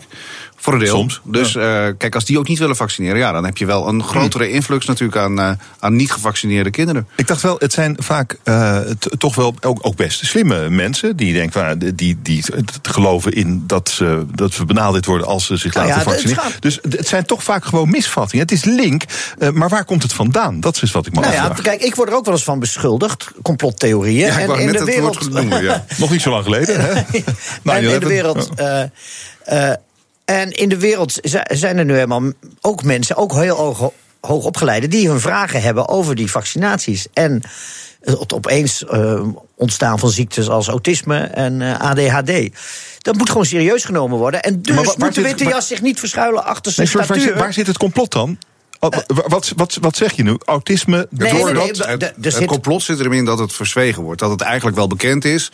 Want de ja, en, dat, en dat de farmaceuten verdienen aan precies, vaccins. vaccinaties. En wat ook zo is. Want ja. uh, farmaceuten verdienen echt enorm goed aan vaccinaties. Ik bedoel, we hebben griep, uh, griepvaccinaties. Onze Nederlandse Ab Osterhuis is een multimiljonair mee geworden. Met het feit dat hij uh, vaccinaties tegen de Mexicaanse griep. die later helemaal niet is opgedoken. Nee, er liggen nog steeds. En dat doet de zaak geen goed. Dat doet de zaak geen goed. En die vaccins hebben wij voor eh, heel veel geld, eh, terwijl ze over de datum waren, verkocht aan Senegal. Dus dus we hebben toch wel een beetje een deal van gemaakt. Nou ja, we hebben in ieder geval wel een risico vermeden dat er had kunnen zijn. Uh, uh, ja, zo ken ik er nog wel een paar. ja, ja, maar zo, een groot deel van onze samenleving is ingericht op het vermijden van risico's. Jongens, vanmorgen was Berno Strootman in het nieuws. Dat is Rijksadviseur voor de fysieke leefomgeving. En hij zegt die zonne-energie, akkers, akkers vol met zonnepanelen... Wat je, wat je steeds meer ziet gebeuren, dat moeten we niet doen. Zegt deze man. Wat vind jij, Bert? Ja, ik, uh, ik kom af en toe nog wel eens in Drenthe bij mijn bejaarde moeder. En ik zag daar ook al grote borden staan. Geen zonneweide hier, geen zonneweide daar. Uh, aan de andere kant denk ik van ja, als dat nou een, uh, lekker oplevert aan groene energie. Wat maakt het uit of er mais op staat of een, paar van die panelen, zou ik zeggen. Moeten, natuurlijk moeten we dat wel doen. Vroeger stond het landschap vol met schoorstenen, omdat we bloeiende steenfabrieken hadden aan, langs de, langs de rivieren. En nu, nu staan er windmolens. Nou, daar, daar heb je ook heel veel last van qua geluid, qua schaduwen, qua uh, de, de, de koeien raken van de, van de leg. Uh, als je dat goed zegt, zegt zo. Ik denk dat koeien niet van de nee, Nee, oké, maar die, die geven geen melk meer in de buurt van windmolens. Zonnepanelen, dat, dat is gewoon het. Laten we de hele Sahara ermee volzetten. Ja, dat lijkt me goed, maar dan niet op akkers in Drenthe dan.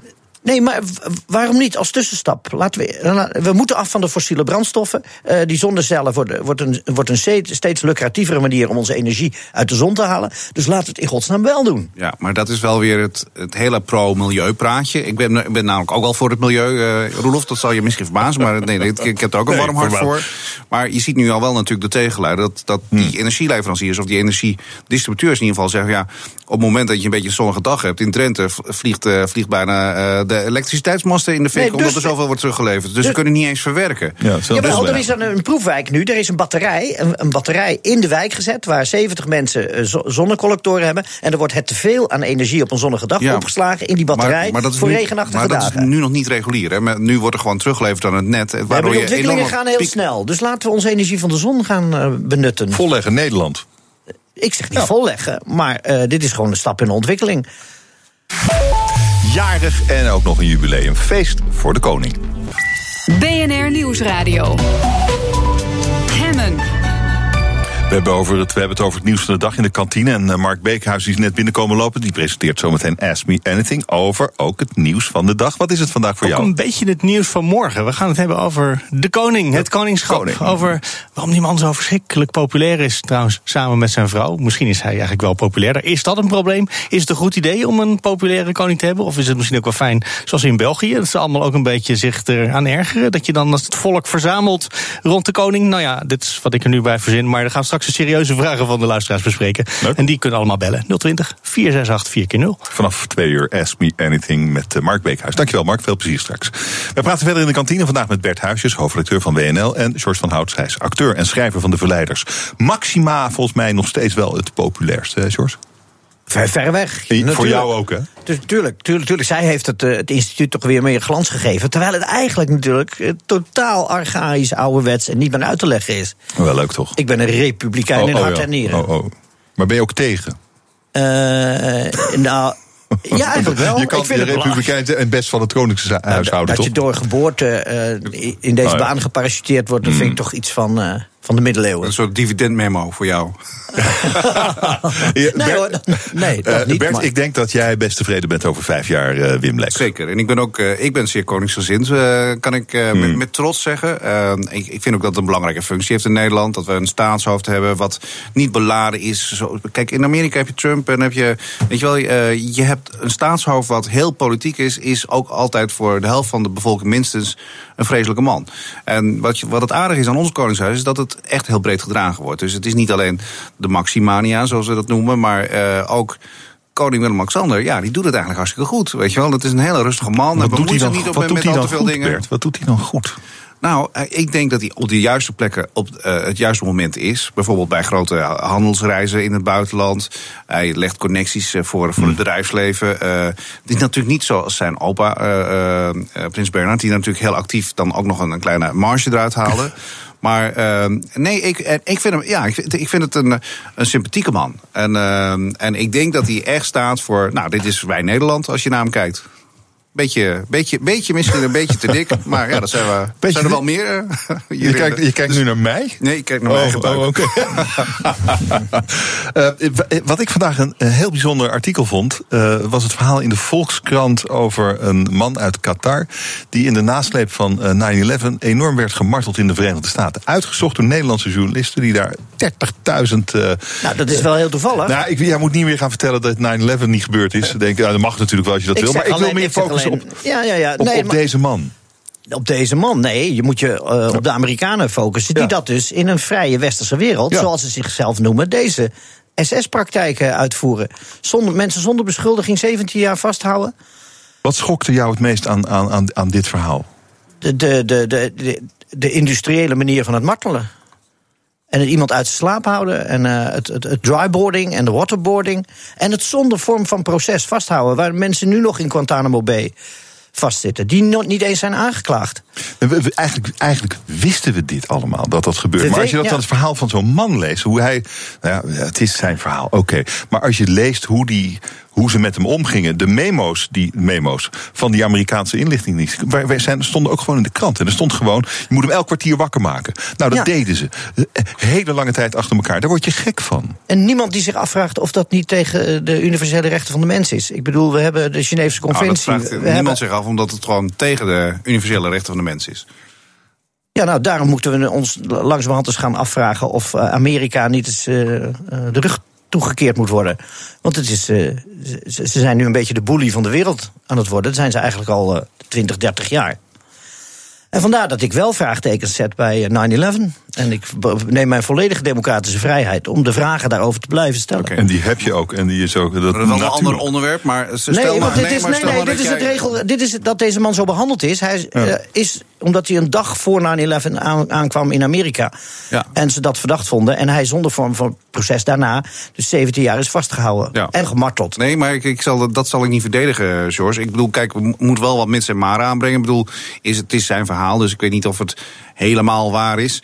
Als er een groot deel van waar is, is het al eh, erg genoeg. Ehm, eh, mensen zonder proces vasthouden, dat, dat kan niet. Maar je weet wel dat er af en toe hele grote dilemma's kunnen ontstaan. Op het moment dat je echt enorme veiligheidskwesties hebt en uh, iemand wil niet praten, ja, moeten dan 7000 mensen overlijden of mag je iemand uh, vier keer per uur wakker maken? Dat, daar vind ik wel dat je dan begrijp je al waar, waar het dilemma in steekt. Hè? Nou ja, mensenrechten gaan natuurlijk in feite boven alles. We hebben een rechtsstaat en Nou die ja. hebben we niet voor niks. Nee, maar dus kennelijk moet er bij die uh, dienst een overtuiging zijn geweest... een echt een grote gevestigde overtuiging... dat deze man een aandeel had in terreur. Of een, of een systeem. Nee, of een systeem wat dat heeft, ja, dat, dat, dat zou ook kunnen. Maar uh, uh, dat, dat geeft aan dat zo'n systeem, of dat, dat, die mensen niet gecorrigeerd worden op hun, op hun overtuiging die ze zelf hebben. Kijk, want je kan, ja, ook, uh, ik bedoel, kijk, jij bent dan een, een complotgelover van 9-11. Nou, dat, dat, dat vind ik raar. Maar andere kant, dat mag je doen. Maar kijk, jij legt het niet anderen op. En dat is natuurlijk met zo'n geheime dienst wel het geval. Uh, op een gegeven moment dat die gaat martelen en mensen heel lang gaat vasthouden. Dan ga je wel iets doen met andermans vrijheid. En dat, is, dat mag natuurlijk niet. Ik bedoel, dat, dat, daar moet je gewoon heel voorzichtig mee zijn. Een staat mag niet mensen zo lang vasthouden zonder uh, uh, nee, en vorm van proces. Nogmaals, we hebben onze rechtsstaat niet voor niks. En die zijn nee, heel zijn, erg, die is heel erg belangrijk om, om... Maar daar zijn we het over eens, denk ik, toch? Ja, maar wij uh, we, we, we, hobbelen toch uh, al mee bombarderend achter alles wat de Amerikanen verzinnen aan. En het is hoog tijd dat we daar eens vraagtekens bij gaan stellen. Maar kunnen wij Amerika de rug toekeren, zoals je zegt?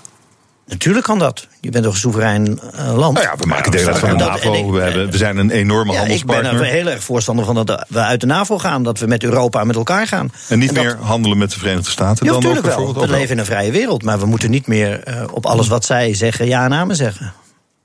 Zou dat kunnen? Uit de NAVO? Kan dat. Zouden we dat willen uit de NAVO? Nee, Natuurlijk geloof niet. niet. Tuurlijk Wat zou er gebeuren als we eruit stappen? Nou ja, Karel van Wolfer komt binnenkort met een heel belangrijk boek over de NAVO. En de NAVO is een van de grootste agressoren in de wereld geworden nu. Het is ooit met de beste bedoelingen opgezet als verdedigingsorganisatie.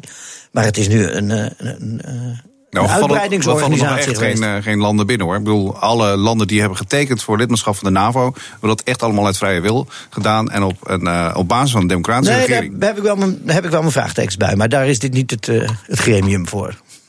Ja, je hebt het is voor een overal, nieuw programma. Je hebt echt overal vraagtekens bij. En dat is uh, waarom je ook zo'n fijne gast bent. Ja. Uh, ik vond het wel een mooi, Bert, een mooi uh, journalistieke prestatie wat ze gedaan hadden bij de Volkskrant. Zeker, zeker. En de Volkskrant bedrijft goede journalistiek, dat beaam ik ten volle. ze zitten alleen wel altijd op de thema's die altijd de overheid echt naar weg zetten. Of grote bedrijven zijn natuurlijk altijd boeven. dus ik, ze zijn nooit zo kritisch op het op het eigen achterland, zal ik maar zeggen, waar ze zelf heel sterk vertegenwoordigd zijn. Vind ik tenminste. Nou, maar daar zijn jullie toch voor? Nou ja, jullie, nee. jullie leveren het andere geluid. Dat is toch prima? En dat is ook prima. In een pluriforme samenleving. Dan ja. uh, kijk ik in jouw uh, troep en dan kijk jij in mijn troep. En dan, uh, ja, en dan gaan we z'n allen erover praten. ja, want ja, beide kanten gebeurt natuurlijk van alles. Dat, dat, dat, weten we ook allemaal. Maar ik, ik, nee, ik noem als voorbeeld, zo maar zeggen, dat, dat Volkskrant, Nieuwsuur, uh, hoe ze in die memo-gate, en dan wordt het heel groot gemaakt. En dan denk ik van ja, ja, dat is toch echt een feestje van uh, anti-VVD, weet je wel. Dus uh, daarom zitten ze er ook zo verlekkerd in.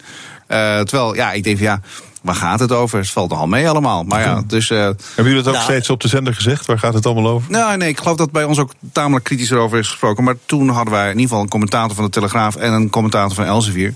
Dus dan weet je wel in ieder geval wel uit welke hoek de wind waait. En dat zijn natuurlijk niet... Ja, dat zijn geen ging toch ook best los op, op, de, op Memo-gate?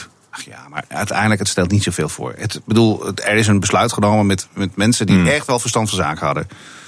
Nee, die zijn gewoon uh, erin gelobbyd door uh, Unilever en Shell. Ja, maar, dus uh, de enige die het knap gedaan hebben zijn Unilever en Shell. ja, maar het fijn is wel dat wij dus Unilever en Shell dus in Nederland hebben met een hoofdkantoor. En dat kunnen andere landen niet zeggen. Ja, George? Ik kan er maar één hoofd. Oké, okay, jongens, ander verhaal. Trump, laten we het toch nog even over hem hebben.